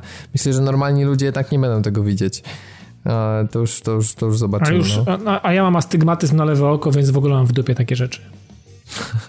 No ale ja myślę, że Piotrek z nas to chyba pierwszy, pierwszy zmięknie, bo już mówiliśmy o Destiny 2, więc niech chociaż umówmy się, wystarczy, że będzie jeden efekt graficzny w Destiny 2 lepszy i ty pobiegniesz po Neo. No ale wiesz co, to nawet nie chodzi o to, że będę czekał na, na, na to, aż, aż wiesz, bo aż, nie aż będziesz czekał, pojawi. po prostu kupisz jak się pojawi. Wiesz co, zastanawiam się nad tym, zastanawiam się nad tym, będę się nienawidził przez to, ale, ale no, no zobaczymy przede wszystkim, co nie pokażą, tak? No bo w tej chwili to jest mimo wszystko... Ty jesteś człowiekiem swojej woli, Piotrek. Ty jesteś człowiekiem swojej wiem, woli. Wiem, ja sobie z tego doskonale zdaję sprawę. Kupiłem drugi raz Destiny na Xboxa. Jesteś idealnym konsumentem. Jesteś, jesteś idealnym konsumentem. Nie, bo nie do końca dam sobie wcisnąć ciemnotę, więc jeżeli wiesz, się okaże... No nie, no w ciemnotę nie dasz sobie wcisnąć, ale jesteś idealnym konsumentem mimo wszystko.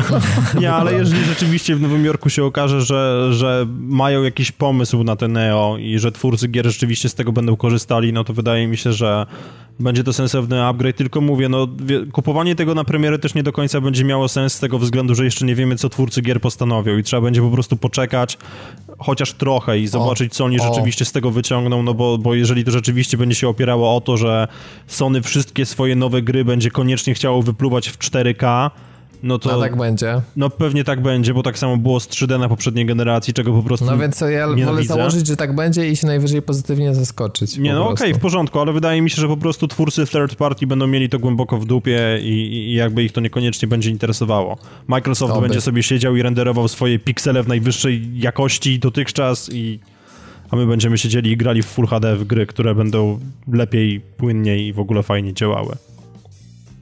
Tak czy siak mi no się, no tak mi się mimo wszystko to nie podoba. Uważam, że PlayStation 4 patrząc po tym, co widziałem w Uncharted, to jest konsola, która absolutnie jeszcze jest w stanie przy odpowiedniej magii jeszcze spokojnie nam posłużyć za dwa lata i uważam, że powinniśmy w 2018 przełom z 2019 zobaczyć PlayStation 5 i mieć rzeczywisty skok mm, nie razy dwa, tylko razy 10 może, albo coś koło tego i, i dokonać wtedy skoków 4K w, w, w takiej, kiedy już ta moc obliczeniowa będzie ok. Dla mnie Neo trochę takie pośrodek i w takim rozkroku. Jak coś jest od wszystkiego, czyli tu 4K, tu niby lepsze gry, to może się okazać, że jest do niczego, więc ja mimo wszystko jestem niestety na razie dosyć sceptyczny nastawiony i muszą mnie przekonać, o tak powiem, czyli tym idealnym konsumentem nie jestem. A Dawid to w ogóle tragedia, bo on tam nawet PS4 nie kupił i w sumie nie wiem, czy kupi, czy nie kupi. Dawid no, ostatecznie tak kupi, no, Dawid wiem, ostatecznie... To jest najgorszy konsument. Dawid, ty ostatecznie nie, kupisz Neo, kupisz Neo i będziesz grał tam w gry z pixelartem, więc no 2 na 10. Wiesz, no pixel art zawsze wygląda tak samo dobrze. W 4K również wiem, że będzie roz, rozpierdalał 4, gały po prostu. 4, w 4K absolutnie pixel będzie, będę go szukał tego pixela wtedy już. Wiesz, jak będzie, jak będzie linia na pixel w 4K, to będzie cięła siatkówkę. No na pewno i wszyscy oślepną, którzy będą grali, więc Dawid ciężkie Będzie czasy coś niesamowitego. Ja ciężkie czasy, no ja myślę, że będę musiał w takich okularach przyjemne grać jak jak, nie wiem, Bogdan Łazuka na przykład, albo nie wiem, no nie wiem, jakieś coś, coś będzie trzeba zrobić, no bo mam nadzieję, że pixel art dalej będzie wychodził, no i będzie produkowany, ale w 4K nie wyobrażam sobie tego. Zresztą chyba nawet Vincent, Vincent tak prześmiewczo napisał u nas na grupie odnośnie takiej gry, której postać, którą byśmy sterowali byłaby pixel, miałaby, byłaby dokładnie wielkości piksela i musielibyśmy wyjść z labiryntu, który miałby wyjście też na szerokość piksela właśnie i trzeba by było z tego labiryntu wyjść, więc no myślę, że takie koncepty mogą się zrodzić w głowie niektórych ludzi, twórców gier wideo. Czekam. E, za to my już sobie zostawimy nasze dzisiejsze tematy i przejdziemy do gier, ponieważ razem z Dawidem zanurzyliśmy się w dwóch, e, i to dosłownie, w dwóch różnych e, mniejszych, ale całkiem zbiornikach wodnych. Tak, produkcjach. E, tak nam się to tematycznie śmiesznie ułożyło. E, na pierwszy ogień, co kompletnie akurat nie pasuje w tym przypadku, pójdzie Song of the Deep, czyli nowa gra twórców Insomniac. I zanim Dawid opowie o grze, to Piotrek się ładnie wytłumaczy, dlaczego mimo zapewnienia nie kupił nową grę Insomniac, swojego ulubionego studia. Czyżby jednak się nie przekonały początkowe recenzje czy model gameplayu? To jednak nie jest twój styl? Początkowe recenzje mnie nie przekonały, podobnie jak e, przynajmniej z tego co czytałem, dość oporne sterowanie, więc póki co sobie odpuściłem... Moja, moja też się nie przekona. A, no właśnie, nie, ale póki co sobie odpuściłem i no wydawało mi się, że lepiej byłoby zainwestować te pieniądze, nie wiem, no w krem na hemoroidy, więc dopóki oni tego nie naprawią, to... Ale słuchajcie, no oporne sterowanie, no wie, ej, wiecie, ej. że na przykład... Naprawili Piotrek, spokojnie, zaraz tak? się tym dobrze, jak, okay. jak tam się nie tak. steruje tak jak samochodem wyścigowym czy go kartem, no bo to woda, więc, więc może dlatego jest oporne sterowanie. Znaczy sterowanie, znaczy może od początku. Co to jest Song, of the Deep i na czym polega? Może tak wiesz, od ogółu do szczegółu, nie? W takim, w takim może telegraficznym skrócie, jeżeli ktoś nie chce słuchać, to to jest, e, wiecie co, ta gra mechanicznie i tym, co oferuje, bardzo przypomina Ori and the Blind Forest pod wodą.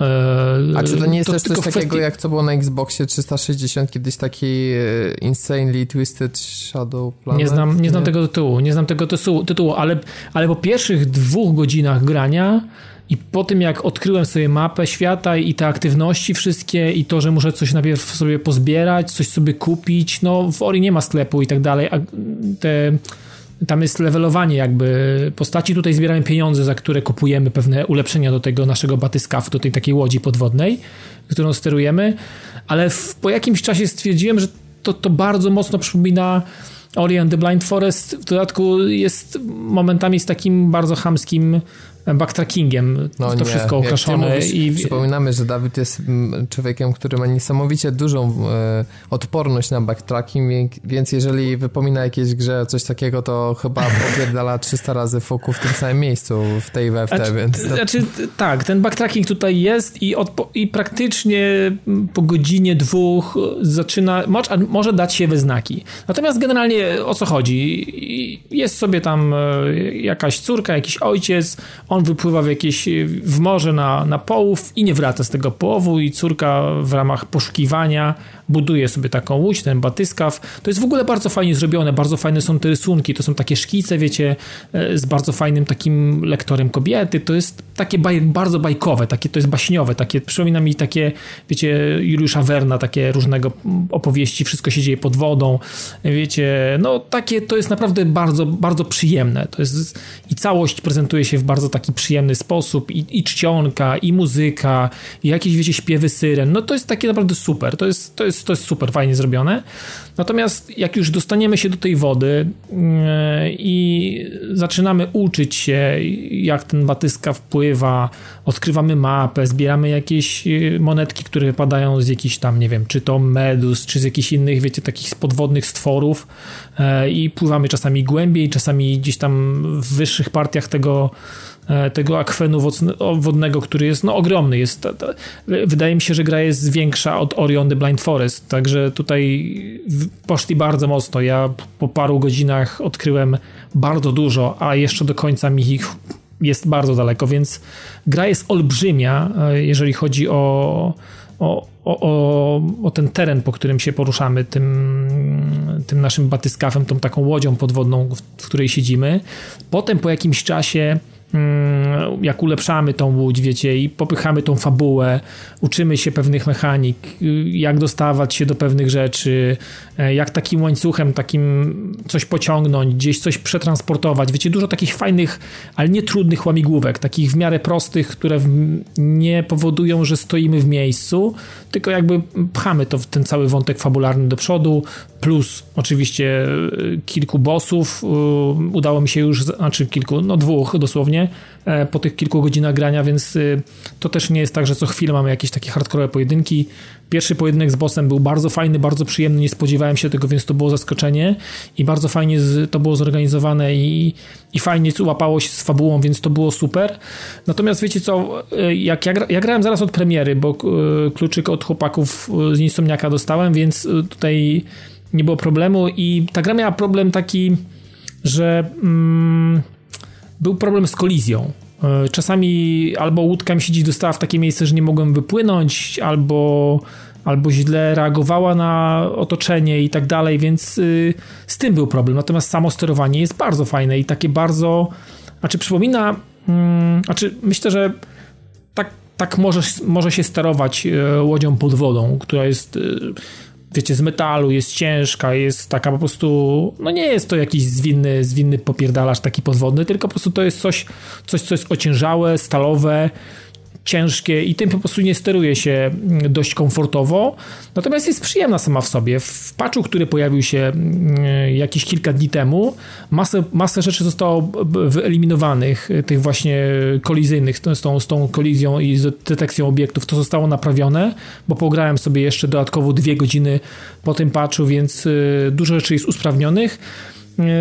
I, I gra się naprawdę już teraz bardzo komfortowo i, i, i, myślę, że będę chciał tą grę skończyć. Natomiast problem, jaki mam z tą grą, jest taki, że ta gra jest. E, znaczy, nie da się długich sesji w tej grze mm, przesiadywać. Myślę, że dwie godziny to jest takie maksimum. I mm, wiecie co, nie wiem z czego to wynika, bo niby podoba nam się to fabuła, niby nam się podobają te mm, te tła, to w ogóle ten labirynt, po którym pływamy, to jest świetne, naprawdę to, to się bardzo fajnie prezentuje i, i, i te co jakiś czas takie killroomy, gdzie tam musimy wybić jakieś takie podwodne stwory i tak dalej, to jest wszystko, wszystko fajnie, ale wiecie co, po jakichś takich dwóch godzinach, nie wiem, czy to przychodzi takie znużenie, czy przychodzi takie, mm, taki element usypiania e, w tobie chęci jakby do popychania tego dalej do przodu i ta fabuła nawet nie jest dla ciebie taka istotna i nie chcesz jej specjalnie odkrywać, że po prostu trzeba sobie robić takie, takie sesje raz na dzień. To nawet nie wiecie, że z jakimś odstępem czasu, tylko raz na dzień, raz na kilka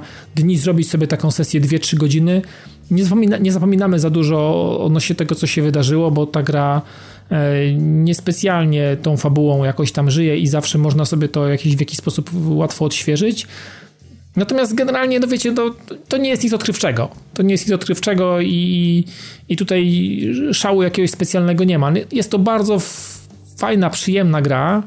Natomiast no, chyba być trzeba, albo chyba trzeba być fanem takich, takich produkcji, żeby się w niej mocno zakochać i, i uważać, że to jest jakieś super dzieło, chociaż nie, nie sądzę, że tacy ludzie są. Mm, ale nic ponadto. No, to wiecie, to jest coś, co co nie przypomina czegoś odkrywczego. Fajnie, że jesteśmy pod wodą, że ta, ta przygoda dzieje się pod wodą i to jest, to jest fajne, to jest ciekawe e, i trochę ulepszenia tych, tej łódki, takich tam różnych bajerów i kupowanie rzeczy w sklepie e, w, w, w, z krabem bo tam są takie postaci fajne, które, mm, które fajnie się wplatają w fabułę.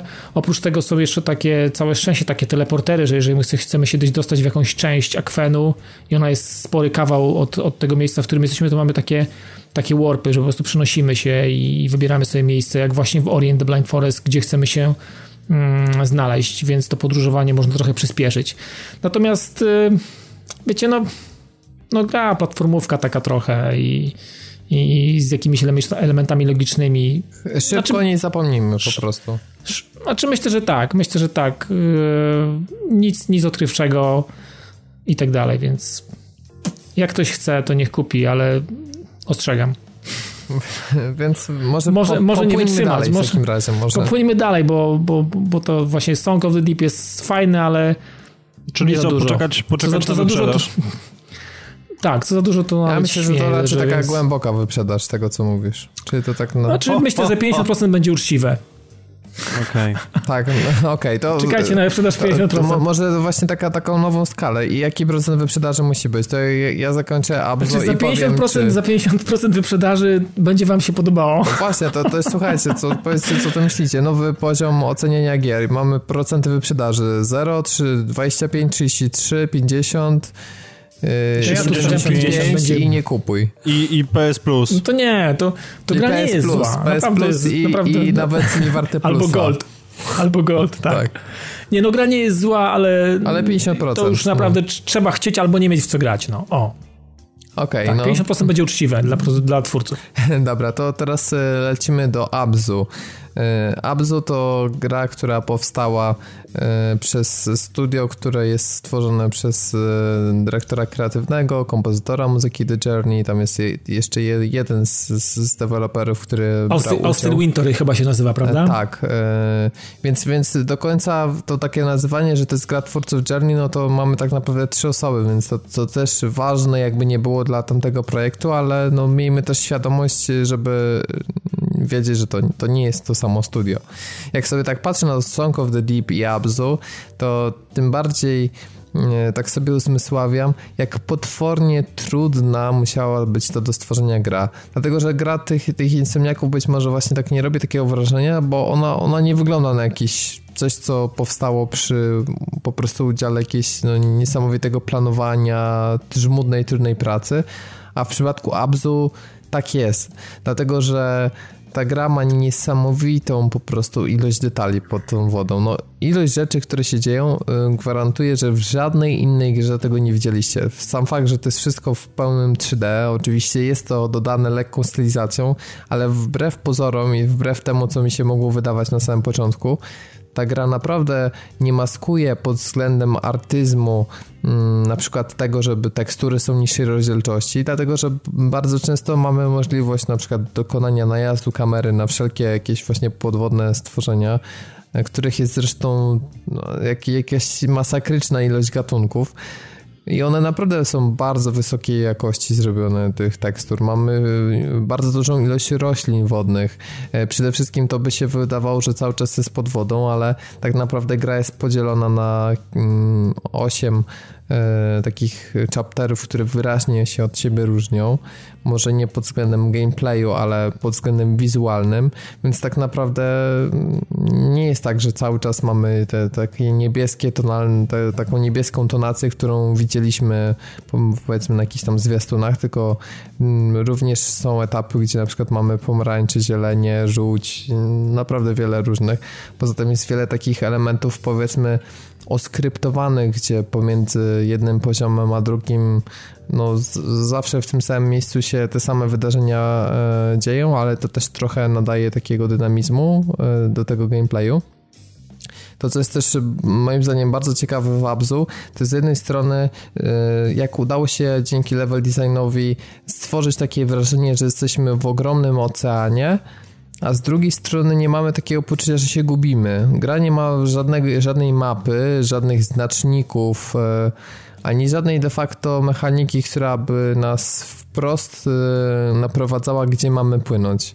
W zasadzie jest tylko... No to samo miałeś we Flow i to samo miałeś w Journey, tak, tak samo nie widziałeś specjalnie. Tak, i to nie łączy, takich, tak. Takich I to, co zostało bardzo fajnie zrobione, to chyba też było właśnie w Journey, y, i we Flowerze, czyli to jest tak, że jakby kamera tak naturalnie jakby tak lekko skręca w tym momencie, w którym ty masz płynąć i, i to jest bardzo taki subtelny efekt, czyli po prostu jak na przykład zaczynasz płynąć za bardzo gdzieś nie w tą stronę, to, to ona już zaczyna się nie przekręcać, tylko zostaje jakby w tym kierunku, w którym masz płynąć. I to tak naturalnie cię zachęca do tego, że poza tym oni grają takim elementem, że na przykład, nie wiem, jest fragment, gdzie są wodorosty, a za chwilę jest jakiś fragment przy dnie morskim, który jest oświetlony promieniem słonecznym i, i no tak odruchowo tam płyniesz po prostu, więc to, to wszystko ma ręce i nogi.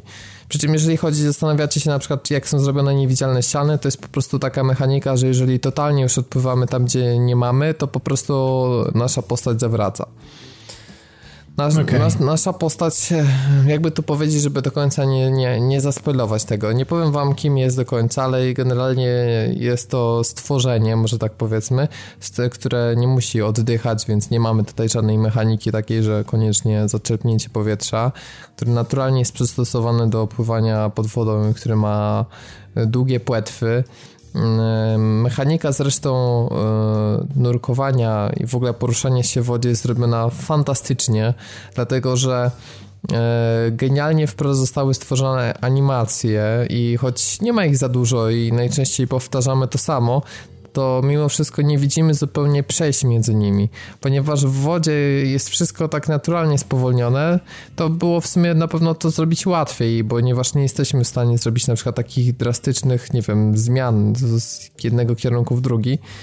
I przez to ta cała gra ma taki swój flow niesamowity. On może nie jest to tak, taki bardzo szybki, ale no stwarza takie wrażenie, że to wszystko tak płynnie się dzieje. No, to nie jest szarpane, to jest takie naturalne. Po prostu momentami tak wygląda, jakby to nie była gra, tylko byśmy się zanurzali, nie wiem, w jakiejś takiej interaktywnej tapecie, świecie 3D. No, ta gra w ogóle mogłaby fajnie pasować pod VR, akurat uważam, że gdyby odpowiednio została przemodyfikowana. E, to taki, mm, to taki wątek poboczny. E, ja tak w ogóle Abzu odbierałem jako takie wymarzona lekcja biologii, można powiedzieć, bo e, twórcy tutaj mm, nie postawili na fantastykę ani żadne takie nierealne wątki, jeśli chodzi o, o stworzenia morskie, które są, dlatego że na pewno jak ktoś, ktoś by się na tym znał, no to byłby w stanie stwierdzić, że no w jednej wodzie nie mogą występować jakieś tam gatunki. E, ponieważ one jakby wszystkie zostały po prostu wrzucone do jednego wora, ale ich ilość tych gatunków e, jest nie, naprawdę niesamowita. Mamy przynajmniej chyba z, nie wiem, z 10 rodzajów rekinów. E, mamy ogromne walenie, wieloryby, orki, delfiny, kałamarnice, a tych wszystkich mniejszych ryb to są po prostu jakieś nie, niezliczone ilości na nich się specjalnie nawet nie znam, więc, więc trudno mi jakoś to tak zobrazować, ale ale wszystkim... Wchodzisz w jakąś interakcję z tymi rybami? Jakaś, jakiś rodzaj walki jest, czy jakieś takie rzeczy? W ogóle o czym ta gra jest w sumie? Bo tak gadasz, fajne to są rzeczy, ale co, co robisz w tej grze? Co się, co się w niej dzieje tak naprawdę? No właśnie, bo tak naprawdę to, to jest do końca ciężko powiedzieć, co ty robisz, bo ty to wszystko trochę, można powiedzieć, poniekąd obserwujesz, bo ta gra nie stoi mocno żadnymi gameplayowymi mechanikami i ona jest takim doświadczeniem. E, więc e, co tak naprawdę robisz? No przede wszystkim płyniesz, zwiedzasz, e, obserwujesz, mówisz, pytasz o interakcję. Możemy na wszystkich większych rybach czy stworzeniach morskich pływać i nimi sterować, przy czym to jest zrobione tak tak naprawdę dla fanu. Nie jest to poza nie jednym celu, tak? fragmentem tak? w grze nie jest to, to, to żadnego okay. celu nie, nie pełni. Generalnie e, koncept, można powiedzieć, gameplayowy jest trochę, przypomina mi Prince of Persia, tą cel shadingową z 2008 roku. Czyli mm -hmm, mamy -hmm. sobie e, jakiś tam bliżej nieokreślony podwodny teren, który jest przez y, powiedzmy pewną technologię zbezczyszczony, który jest zanieczyszczony, gdzie życie morskie nie funkcjonuje, jest wymarłe. Och, I oczyśćmy celem... żyzne pola. Dokładnie. Naszym celem jest przywrócenie życia i zwycięstwo natury ze złymi siłami. I celem gry jest po prostu to, żeby przywrócić równowagę w podwodnym morskim życiu. E, gra nie posiada żadnej takiej typowej historii i to co jest fajne to przepływając przez niektóre miejsca trafiamy na takie jakby podwodne świątynie, które mają w, na ścianach malowidła. I te malowidła są na tyle sprytnie rozrysowane w takich konkretnych punktach, że powoli powodują, że my sobie sami patrzymy na to i sami tworzymy w głowie historię o co tutaj chodzi. Bo tak naprawdę w grze nie znajdziemy żadnego dialogu, e, całe takie porozumiewanie się jest podobne do Journey, czyli to jest takie po prostu wydajemy dźwięki, z które no, wchodzimy w interakcję.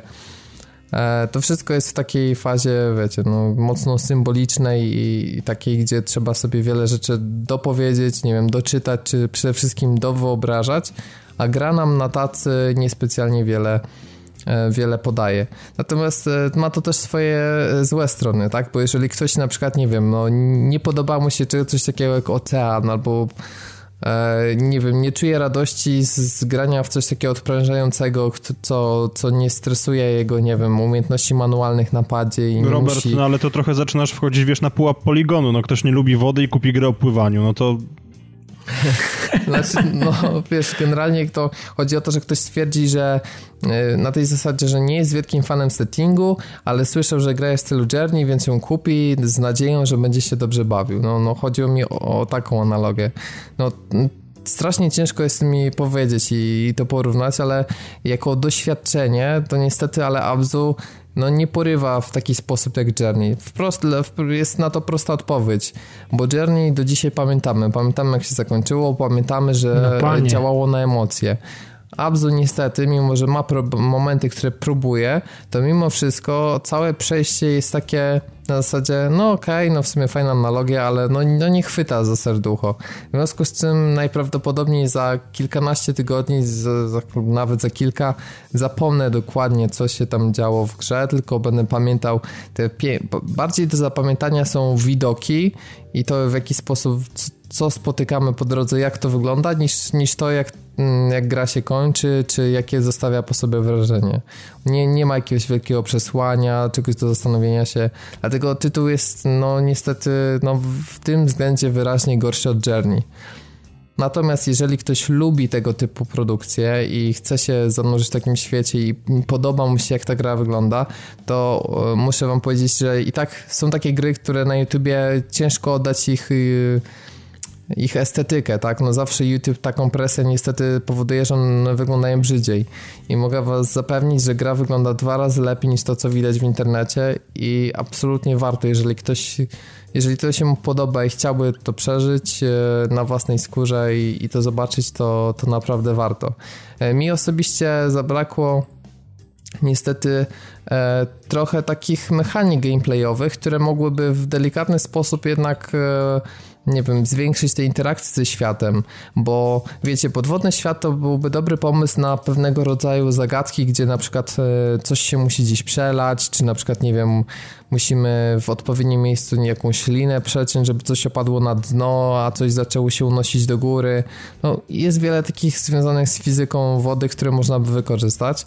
Tymczasem tutaj nie mamy czegoś takiego jak zagadki, można powiedzieć, tylko taką mechanikę, że mamy zamknięte drzwi, do których są przyłączone dwa łańcuchy, które są po prostu tak olbrzymie, że widać jest kilometra i na jednym końcu levelu jest jeden mechanizm do przełączenia, a żeby dostać się do drugiego e, mechanizmu, to musimy znaleźć takiego podwodnego drona, który nam przetnie e, drogę do tego drugiego łańcucha, po czym dochodzimy, drzwi się odpływają i, i, i płyniemy dalej. No, to jest taki poziom mniej więcej zręcznościowych elementów w tej grze. No, aż się prosiło, żeby okay. zrobić jakieś zagadki, które wymagają interakcji z konkretnymi gatunkami podwodnymi, jakoś ich połączenia, e, no czegokolwiek. No oprócz tego mamy takie rzeczy jak e, takie specjalne portale, gdzie po otwarciu których e, na dany obszar trafiają konkretne gatunki stworzeń morskich, Mamy takie statuły do medytacji, które nam pozwalają nie, przejrzeć cały level i jakby kamerą najechać na, na, na konkretne gatunki. No i mamy takie też tradycyjne znajdźki w formie statuetek, więc jeżeli ktoś lubi takie zbieractwo, no to może sobie wydłużyć, natomiast nawet jeżeli ktoś by robił absolutnie wszystko, czyli wszystkie znajdźki, wszystko znajdywał, wszystkie gatunki i tak dalej, to to jest na 4 do 5 godzin, natomiast pierwsze przejście to jest 2 godziny. I to mówię nie o takim gameplayu na web na szczycie, tylko nawet takim spokojnym przechodzeniu, po prostu bez, bez wielkiego szarpania. Więc no za to też trochę minus, bo e, no bo wiecie, gdyby to były dwie godziny takie, które totalnie wyrywają z czapy i cały czas po prostu powodują, że siedzimy przy telewizorze, nie możemy się oderwać, no to, to, to, to też byłoby co innego niż takie dwie godziny, które no ma swoje, ma swoje momenty naprawdę super, ale ma też takie, które po prostu no aż tak dużo się nie no, dzieje, jakby mogło. Więc ja oceniam, że super, że ta gra powstała. Jeszcze, aha, jeszcze jedna rzecz. Genialny soundtrack, no to jest rzecz, która... No tak, no Austin Wintory, no to wiadomo, tak, no i, nie ma o czym no, mówić. Zgra... Przede wszystkim też zgranie tego, no w, w, zależności od tego, znaczy bardzo mi się podoba, że jest zupełnie taka bardziej ciężka na przykład muzyka, gdzie jesteśmy przy wielorybach, a jeżeli jesteśmy przy jakichś mniejszych rybach, których jest naprawdę dziesiątki, to zupełnie inaczej słychać. W zależności też od lokacji, tego co się dzieje na ekranie. No, jest świetny ten soundtrack i naprawdę daje radę. Nie, nie będę go porównywać do Journey, bo to inna gra, ale no, absolutnie najwyższa cena tutaj, jeśli chodzi o technikalię, zarówno warstwę właśnie dźwiękową, muzyczną, jak i wizualną. To jest najładniejsza gra, jaką grałem w tym roku na PlayStation 4 i myślę, że kandydat właśnie do, do, do gry roku, jeśli chodzi o ten aspekt wizualny. No ale niestety, no mówię, zabrakło tej różnorodności gameplayowej, trochę wykorzystania potencjału tego settingu i zabrakło jakichś takich przemyśleń po skończeniu wszystkiego, więc e, uczciwie oceniam, że to taki poziom przeceny 33%. Więc, więc nie trzeba czekać aż na 50, ale jak okay. będzie jedna trzecia, to, to myślę, że warto brać. Bo gra jest dostępna za 84 zł, mm, w preorderze był jeszcze bonus za 67, to myślę, że tak, tak 59 zł to jest ten poziom mniej więcej, jaki bym celował dla tej gry, tak się trochę śmiejąc, ale no, jeżeli nie macie takiego ciśnienia, ja powiedziałbym tak, po pełnej cenie dla osób, które po prostu łakną wszystko, co jest w stylu Journey, co jest w stylu Flowera, uważają, że już strasznie dawno nie grali w tego typu tytuł i że są zmęczeni na przykład tymi ciężkimi grami AAA i chcieliby, nie wiem, na przykład sobie po Dark Souls 3 odpocząć i, i zagrać coś no tak, odprężającego, no to to jest idealne. I teraz jest fajny moment, żeby to zagrać w wakacje, bo trochę mógłby być inny odbiór tej gry, jak będzie zima, nie wiem, ciemno i tak dalej. Myślę, że ta gra jednak pasuje do wakacyjnego klimatu, więc, więc no to dla takich osób to, to bym powiedział po pełnej cenie, a reszta może poczekać. No i Więc super. tyle ode mnie i lecimy, lecimy dalej, bo y, Piotrek y, może teraz się trochę też uaktywni, ale razem z Dawidem e, ograli wczesną wersję i to chyba bardzo wczesną We Happy Few, czyli tej gry, no tak, która nam jest, się tak spodobała alfa. na targach E3 która najpierw jawiła się jako coś w stylu Bioshocka, ale może się okazać, że niestety, ale to coś to było sprytnie zmontowanym trailerem i może trochę warstwą graficzną, ale ostatecznie to jest zupełnie inna gra. I to chyba niestety. No stety jak niestety. Eee, znaczy, to skojarzenie z Bioshockiem, ono, wiesz, wiecie co, ono u mnie było na samym początku, bo i ten setting i, i i ten początek, który nie zwiastuje w żaden sposób e, tego, czym faktycznie gra jest. Nawet jeżeli już grę odpalimy i ten pościg, ta ucieczka i wpadamy do takiego jakiegoś, jakiejś takiej kanciapy i bardzo fajna nastrojowa muzyka i, i to, to bardzo ładnie pachnie Bioshockiem, ale to tylko w tym, w ten początek ten, ten zapach ma taki, wiecie, i ten, i ten trailer, który oglądaliśmy i i to zabijanie tej piniaty, wiecie, tam pod spodem ten szczur, no kojarzymy dokładnie ten obrazek. To dokładnie to w tej grze jest. Natomiast w momencie, kiedy mm, nie wiem, znaczy może Piotrek ma inaczej, ma inne, ma inne inaczej to odebrał, ale w momencie, kiedy wydostajemy się mm, z tej kanciapy, do której wpadamy, znaczy zostajemy w sumie wtrąceni przez y, policjantów, którzy patrolują miasto i szukają wszystkich podejrzanych typów, którzy nie jedzą narkotyku, który odpowiada za radość tych wszystkich mieszkańców tego miasteczka, e, no to mm, robią z nimi po prostu porządek i, i czyszczą ich z miasta, bo w grze, od, znaczy sam setting miasta jest taki, że wszyscy są szczęśliwi, wszyscy są weseli, biorą pewnego rodzaju piguły, mm, i mimo tego, co jest dookoła i tego, jak, jak jest skonstruowany świat i jak oni żyją, to oni są nadal wszyscy szczęśliwi, bo biorą tam jakieś takie piguły. No i my się wyłamujemy z tego jakby Źle mm, mówisz, z tego elementu. Źle mówisz, możemy się wyłamać. Znaczy możemy, tak, możemy, możemy się wyłamać. E, i, ja, znaczy ja się wyłamałem, bo bo jak się nie wyłamałem, to gra się skończyła po no właśnie. Więc, ale, ale, ale ja się wyłamałem, bo stwierdziłem, że nie, no nie poddam się temu i, i, i faktycznie za, za, zacząłem po prostu potem grać, ale, ale po wyjściu z tej, z tej no, naszej nory gra staje się najzwyklejszym survivalem e, z pewną paczką questów, e, jakąś tam linią fabularną i questów pobocznych. I tak, e, tak szczerze powiedziawszy to mamy takie takie po prostu zwykłe, najzwyklejsze zbieractwo i szukanie, szukanie e, penisa w śmietniku i zgniłych jabłek w starych domach i przetrzymywanie starej kanapy po to, żeby znaleźć jakieś gwoździe, e, ewentualnie jakieś, e, ze, zebrać jakieś jagódki z jakiegoś krzaka, no i broń Boże nie poruszać się nocą mm, w pewnej części miasta, bo tam są patrole i tak dalej, więc e, w sumie w pewnym sensie może to być zawód, bo Mm, materiał i materi materiały wideo, które widzieliśmy przed premierą wersji preview i przed, przed tym, jak nam gra została udostępniona, sprzedały nam troszeczkę coś innego. I ja, ja podpisuję się pod tym, że e, odbiorcy wideo mogą czuć się oszukani, bo dostajemy najzwyklejszy survival. W dodatku dość mocno niedopracowany, ale no tego się spodziewaliśmy, biorąc pod uwagę to, że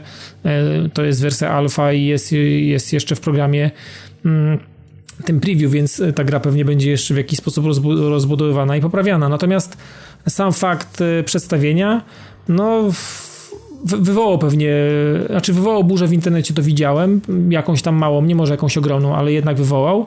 E, no i jednak e, nie ma to nic wspólnego z, z tym, co widzieliśmy. Znaczy, może później, jeżeli dojdzie jakiś wątek fabularny, który, który zapowiadają twórcy i to będzie bardzo fajnie podszyte, to może wtedy gdzieś tam będzie można tego szukać, ale ja bym dziś powiedział już tyle. Nie kładźcie tego na jednej szali z Bioshockiem. On się może wydawać Bioshockowy ten klimat, natomiast jego tam nie ma dalej. Po prostu on jest tylko i wyłącznie gdzieś w tej fazie początkowej, Natomiast na chwilę obecną z Bioshockiem ta gra nie ma absolutnie nic wspólnego. Absolutnie. To jest y, gra pokroju, wiecie, The Long Dark, o którym mówiłem. Y, to jest najzwyklejszy survival, y, najzwyklejsze, wiecie, y, crafting, który jest Zresztą też kiepsko wykonany i masę rzeczy trzeba poprawić, bo to jest wszystko dość nieczytelne i tak dalej, więc w ogóle sam, sam, samo zarządzanie plecakiem jest, fatalne. To jest, to jest coś koszmarnego. E, mam, mam nadzieję, że to ulegnie zmianie. Natomiast ja jako ja jestem odbiorcą takiej gry i, i, ja się bawiłem, bawię się bardzo dobrze i w momencie, kiedy wydostałem się z tej pierwszej części miasta, z tej takiej ogrodniczej trafiłem do takich jakby kamienic, tam gdzie są właśnie te patrole i tam mamy swoją kanciapę, gdzie nasza skrzynka nam się przenosi. Oprócz tego pojawia się E, stół taki specjalny warsztatowy i maszyna do produkowania preparatów chemicznych różnego rodzaju i znowu trochę nam tutaj ten Bioshock wchodzi, bo mamy, ale wiecie, jakieś toniki, pierdy, jakieś takie e, specyfiki, które gdzieś tam e, gotujemy z różnych rzeczy, więc ten, ten Bioshock to nie jest tak, że twórcy powiedzieli, że oni się odcinają, że Bioshock nie, a to jest bzdura, oni tam próbowali troszeczkę i tak trochę to tak jest poustawiane momentami, że w momencie, kiedy słuchamy radia, kiedy leci muzyka z jakiegoś radia, wiecie, gdzieś tam trzeszczący trzeszczona, trzeszcząca płyta winylowa e, z muzyką lat 20., może 30. Mm, e, ubiegłego stulecia. Więc to jest takie, wiecie, niby nie, to nie Bioshock, a jego tam mm, szmery można znaleźć, ale gra nie ma nic wspólnego. Teraz nie wiem, może Piotrek powie coś, czego ja nie powiedziałem. Ja się... Natomiast mi, mi, się gra podoba, mi się gra podoba i będę chciał w nią grać na 100%. No to widzisz, no to ja się absolutnie zgadzam ze wszystkim, co powiedziałeś, poza tym, że gra mi się nie podoba. No, ja mam no przede prawo, wszystkim no, podstawowy problem z tym, że zostało nam to sprzedane może, no... Ja nie pamiętam, czy w tym, w tym gameplayu, który został nam zaprezentowany na E3, tam też były pokazane te wszystkie potrzeby fizjologiczne, czy nie? No właśnie no nie. właśnie nie. I tutaj jest ten pies pogrzebany, tak? Że no zostało to jednak w pewien sposób mi sprzedane jako gra, która tego nie ma, natomiast mi strasznie to działa na nerwy. To, to, to co zobaczyłem mhm. w związku z tym, że wstajesz, twoja postać jest spragniona, wyłazisz z tej kanciapy, idziesz do najbliższego jakiegoś tam punktu pompy wodnej, napełniasz, Hydrantu, no. napełniasz sobie jakąś tam menażkę, przechodzisz 200 metrów, w świecie gry mijają dwie godziny i wyskakuje ci komunikat hej, twoja postać jest zmęczona, hej, twoja postać chce pić, hej, twoja postać jest głodna, hej, twoja postać jest teraz zatruta, ma zatrucie pokarmowe, mhm. ponieważ nie mogłeś znaleźć nic poza jakimś tam spleśniałym, nie wiem, no, gulaszem. I po prostu... Mhm jakoś ten, ten element mi strasznie odpycha, ponieważ, no nie wiem, może ja też nie do końca jestem odbiorcą tego typu gier, tak? Ale po prostu sama demonstracja, tak jak mówisz, była bardzo myląca w stosunku do tego, co dostaliśmy. E, a poza tym też jakoś, no, nie leżała mi... Ja rozumiem, że to jest bardzo wczesna wersja, bo to tam nawet jest wypisane w menu głównym, że to jest alfa, coś tam. Tak, że to jest alfa, ale to nawet ale jest beta, to, tylko to z jednej strony alfa. też jakoś nie podoba mi się do końca technicznie. E, I, I, wiem, że może na tym etapie no, ocenianie tego nie jest do końca fair, natomiast no, bardziej niż warstwa techniczna po prostu odepchnął mnie ten cały ten, ten, ten survival, który jest jakiś taki strasznie hardkorowy, mm -hmm. nie wiedzieć skąd to się w ogóle wzięło i zaraz oczywiście spada efektywność, tutaj huczą komunikaty, że hej, nie będziesz taki sprawny w walce, etc., więc no, Zgadza nie się. wiem, jakoś, jakoś odpaliłem to, spędziłem tam te 45 minut, ale tak między Bogiem a prawdą to no przez ostatnie 10 już czekałem, aż ten trial się skończy i będę mógł go wywalić z dysku. Jakoś, jakoś no, nie rezonuje to do końca, tak jak, tak jak oczekiwałem, no bo no, mówi, że można znaleźć te elementy Bioshocka, tak? Ale no, może ja po prostu za mocno... Można, ale ich jest, ale ich jest garstka. Może, wiesz, może ja za mocno też chciałem Bioshocka po tym, co zobaczyłem i może, trochę, może, trochę oczarował... Ale wiesz co, ja tak samo miałem, wiesz co, ja tak samo chciałem. Mhm. Ja też miałem straszne zakusy na to i, i w momencie, wiesz, i ta pierwsza miejscówka, ta kanciapa... Tak, tak, tak. I, i ta, wisząca, ta wisząca kobieta tam, wiesz, w jednym pomieszczeniu i wiesz, takie połyskujące te metale, takie jakaś tam kuchenka, jakiś taki. Ale wiesz nawet sam początek początek. to nasze łóżko. Sam, sam początek. I, i ten poczo- a tam poczo- sam początek i w ogóle, wiesz, re- jesteśmy jakimś redaktorem w jakimś wydawnictwie i redagowanie tych czasopism, znaczy cenzurowanie treści, mhm. które trafiają później, no to po prostu, wiesz, pachnie ci tak, że po prostu ja mówię, wow, jakie to jest dobre, nie? A potem mówię, nie. To mogło być dobre, ale jest po prostu to jest normalne. Nie, ale wiesz, no właśnie nie... i, i, to jest takie, takie wodzenie nas za nos na samym początku. Nie wiem, może to też mhm. jest ewentualnie jakiś tam środek przekazu artystycznego, którego ja po prostu nie rozumiem, ale no może, sam fakt, może. że odrywasz tą rurę, tak, i to jest po prostu tak, jakbyś wylądował w Rapture na dzień dobry i, i Andrew Ryan ci tak, mówi, dziel go przez łeb. Super te. Ale no po prostu tak. to jest coś zupełnie innego niż się spodziewałem i tak bardzo fajne jest to, że mamy tam taką otoczkę, która jakby trochę wieje po prostu Wielką Brytanią. Fajne jest to, że oni zwracają uwagę na pewnego rodzaju szczegóły, w sensie, że hej, twój garnitur jest podarty i możesz teraz się wydawać podejrzany dla innych odbiorów, dla innych użytkowników, tak? Fajne jest to, że gdzieś tam w Zgadza tych domach się. są pomieszczane różne pułapki, ale tak jak mówisz, z drugiej strony mamy system craftingu, który w ogóle jest jakiś dziwny i wzięty z dupy, bo idź i, po, idź i pozbieraj czerwone listki, żeby zrobić sobie jakąś tam magiczną opaskę, która przywróci 25% zdrowia i po prostu, no, nie wiem, jakoś nie do końca po prostu odbiór tej gry się pokrywa z tym, czego oczekiwałem i dla mnie jest to swego rodzaju deal breaker, więc o ile nie spłyną recenzje, które będą bardzo pozytywne, no to ja wiem, że tego tytułu nie kupię, mimo że planowałem po zobaczeniu pierwszego dema. No, i tak trochę tak jest. Czyli znaczy, najbardziej klim... naj, naj, znaczy, premiery i aż to nie. Znaczy, wiesz, wiesz co, chyba trudno tak, ja bym chyba takiej tezy nie wysnuł teraz i nie powiedziałbym w ten sposób, natomiast... E, to jeszcze nie jest gra, nie, to jest na razie... Nie myślcie, nie myślcie mhm. o tej grze w kategoriach, że to Bioshock, że to coś świetnego, że to będzie taka właśnie jakaś niesamowita nie, historia. To są Simsy, z tego, Tam na razie słyszę. tego nie ma. Na razie tam tego nie ma. Bawimy się w survival, który jest nie do końca jeszcze wypieszczony, wymuskany i, i dobrze, dobrze skrojony. Natomiast cała ta otoczka, właśnie te garnitury, to, że możemy siąść na fotelu w domu, poczytać gazetę, głupota taka, ale tam są właśnie jakieś takie takie dziwne rzeczy są, których normalnie w survivalach, survivalach nie robi człowiek, więc jest przemycony jakiś taki podprogowo jest element. coś takiego jest coś takiego przyte właśnie pod progiem i, i albo to zobaczymy i, się, i będzie nam to w jakiś sposób robić dla nas robotę, albo po prostu zlejemy to i stwierdzimy, że to, to jest tej grze niepotrzebne i tego nie chcemy oglądać, bo to jest w żaden sposób y, no, nie licuje z tym, co byśmy chcieli w tej grze robić, więc no to jest albo, albo kochasz, albo nienawidzisz, no po prostu to jest na tej zasadzie no, w tej grze według mnie. Tak to działa. No i chyba z tego, co czytałem w internecie, jednak większość osób jest na nie póki co, więc zobaczymy. No, długa droga przed twórcami to na pewno. No, myślę, że dość. No to co, no myślę, że tyle jeśli chodzi o, o gry w tym tygodniu. Pamiętajcie o, o tym, co mówiliśmy o naszej rozmowie z Marcinem Przybyłowiczem. Nie chcemy się jeszcze na 100% deklarować, e, jeśli chodzi o termin premiery odcinka z naszym wyjątkowym gościem. Jeżeli wszystko pójdzie ok, nie będzie żadnych technicznych problemów, to postaramy się w przerwie między tym a Gamescomowym odcinkiem. Teraz szykuje się już naprawdę dużo mocniejszy okres. My mamy dostać e, już w przyszłym tygodniu, znaczy już w zasadzie teraz jak tego słuchacie, to w tym e, startuje No Man's Sky, więc no zobaczymy jak to ostatecznie wyjdzie.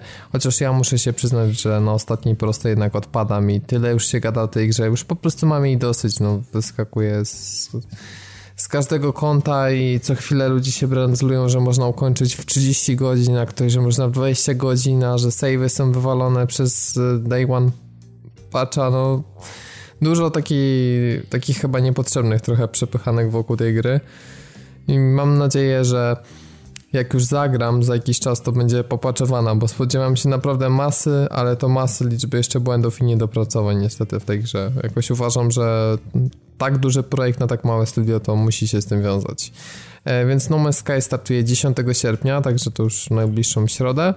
No i jeszcze do czasu premiery kolejnego odcinka 19 sierpnia będzie F1 2016, który jak już pisałem na grupie ma dostać naprawdę masę nowych fajnych mechanik, fajny tryb kariery, e, wiele takich rzeczy związanych ze strategią wyścigu, które zostały poprawione i dodane, więc, więc szykuje się misista Formuła 1.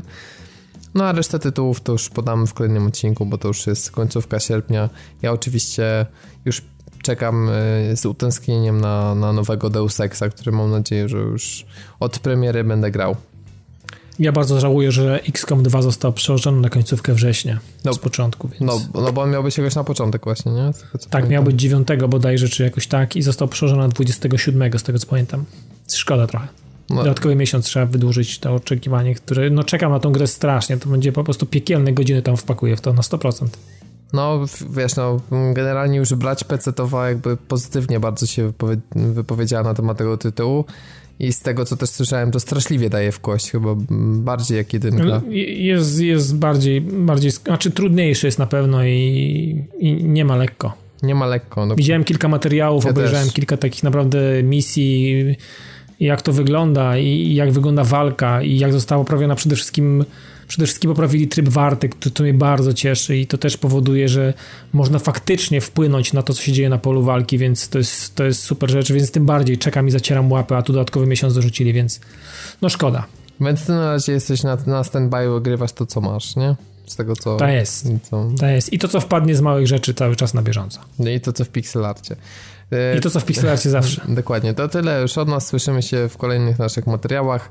W międzyczasie zajrzyjcie na padtv.pl e, o, o tym, co się dzieje u nas, to najwięcej dowiecie się z naszej grupy na Facebooku, a od czasu do czasu piszemy to też na naszym Facebooku czy, czy Twitterze, a standardowo możecie nas słuchać e, w radiu Gierem oraz w Retro Rocket Network.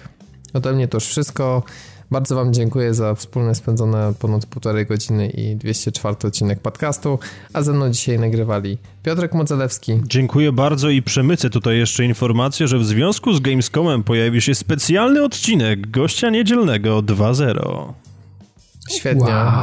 A jeszcze dodam, że Batman od Telltale ma najniższą rozdzielczość na PS4 w tej generacji. Słucham? Taka ciekawostka. 640. 640p. Na 480. Nie, Prawie Nokia 3210 to Jestem Mario. Nie, ale generalnie jest to ten poziom. W międzyczasie akurat jak nagrywaliśmy pojawił się materiał, gdzie no, policzyli klatki gra jest w letterboxie i w 900p, więc wyskakuje jakieś tam koszmarnie niska rozdzielczość ostatecznie. więc no... Peszek. No, Kłaczek. I, I, oczywiście do 20 klatek spadki, więc jak się zapytacie, dlaczego nie ma Batmana, to sorry, ale ja uważam, że Telltale odprawia taką manianę, a y, życzy za swoje gry sobie coraz więcej, bo chyba 125 zł za sezon, a 124, gry... no przesadziłeś. Nie no, faktycznie, no... Pff Wiesz co, szczerze, szczerze myślałem nad tym Batmanem, taka jeszcze prywata na sam koniec, myślałem nad tym Batmanem, ale ostatecznie się zdecydowałem na innego Batmana, tego lepszego, którego miałem przez rok pożyczonego od kumpla, a ostatnio obejrzałem Dark Knighta i chciałem znowu być Dark Knightem, więc skorzystałem z promocji na PS4. Nie no, Arkham Knight tak absolutnie fantastyczny, tak jak mówiłem, to dla mnie chyba go, goty zeszłego roku, więc no. I jest naprawdę fantastycznie i warto, warto. Kto nie, kto nie grał ten, koniecznie jeszcze niech skorzysta z promocji, chyba tam za 79 zł. To 74 chyba to... nawet, coś, nie wiem, jakoś tak, no. Znowu przesadziłem. No i właśnie, to jest takie, taki paradoks, nie, że możemy dostać sporo taniej niż, niż gra Telltale, więc jeżeli chcecie Batmana, to to jest jedyny słuszny wybór. No i ja już nie będę jeszcze raz się żegnał, bo to w sumie taki już suplement, już nazwijmy to, że takie, takie małe postscriptum, postpodcastum, więc, więc tyle od nas i słyszymy się niebawem. Tak to tak Trzymajcie się, się nie trzymali nas za słowo. Trzymajcie się, hej. Dokładnie. No hej. hej. hej.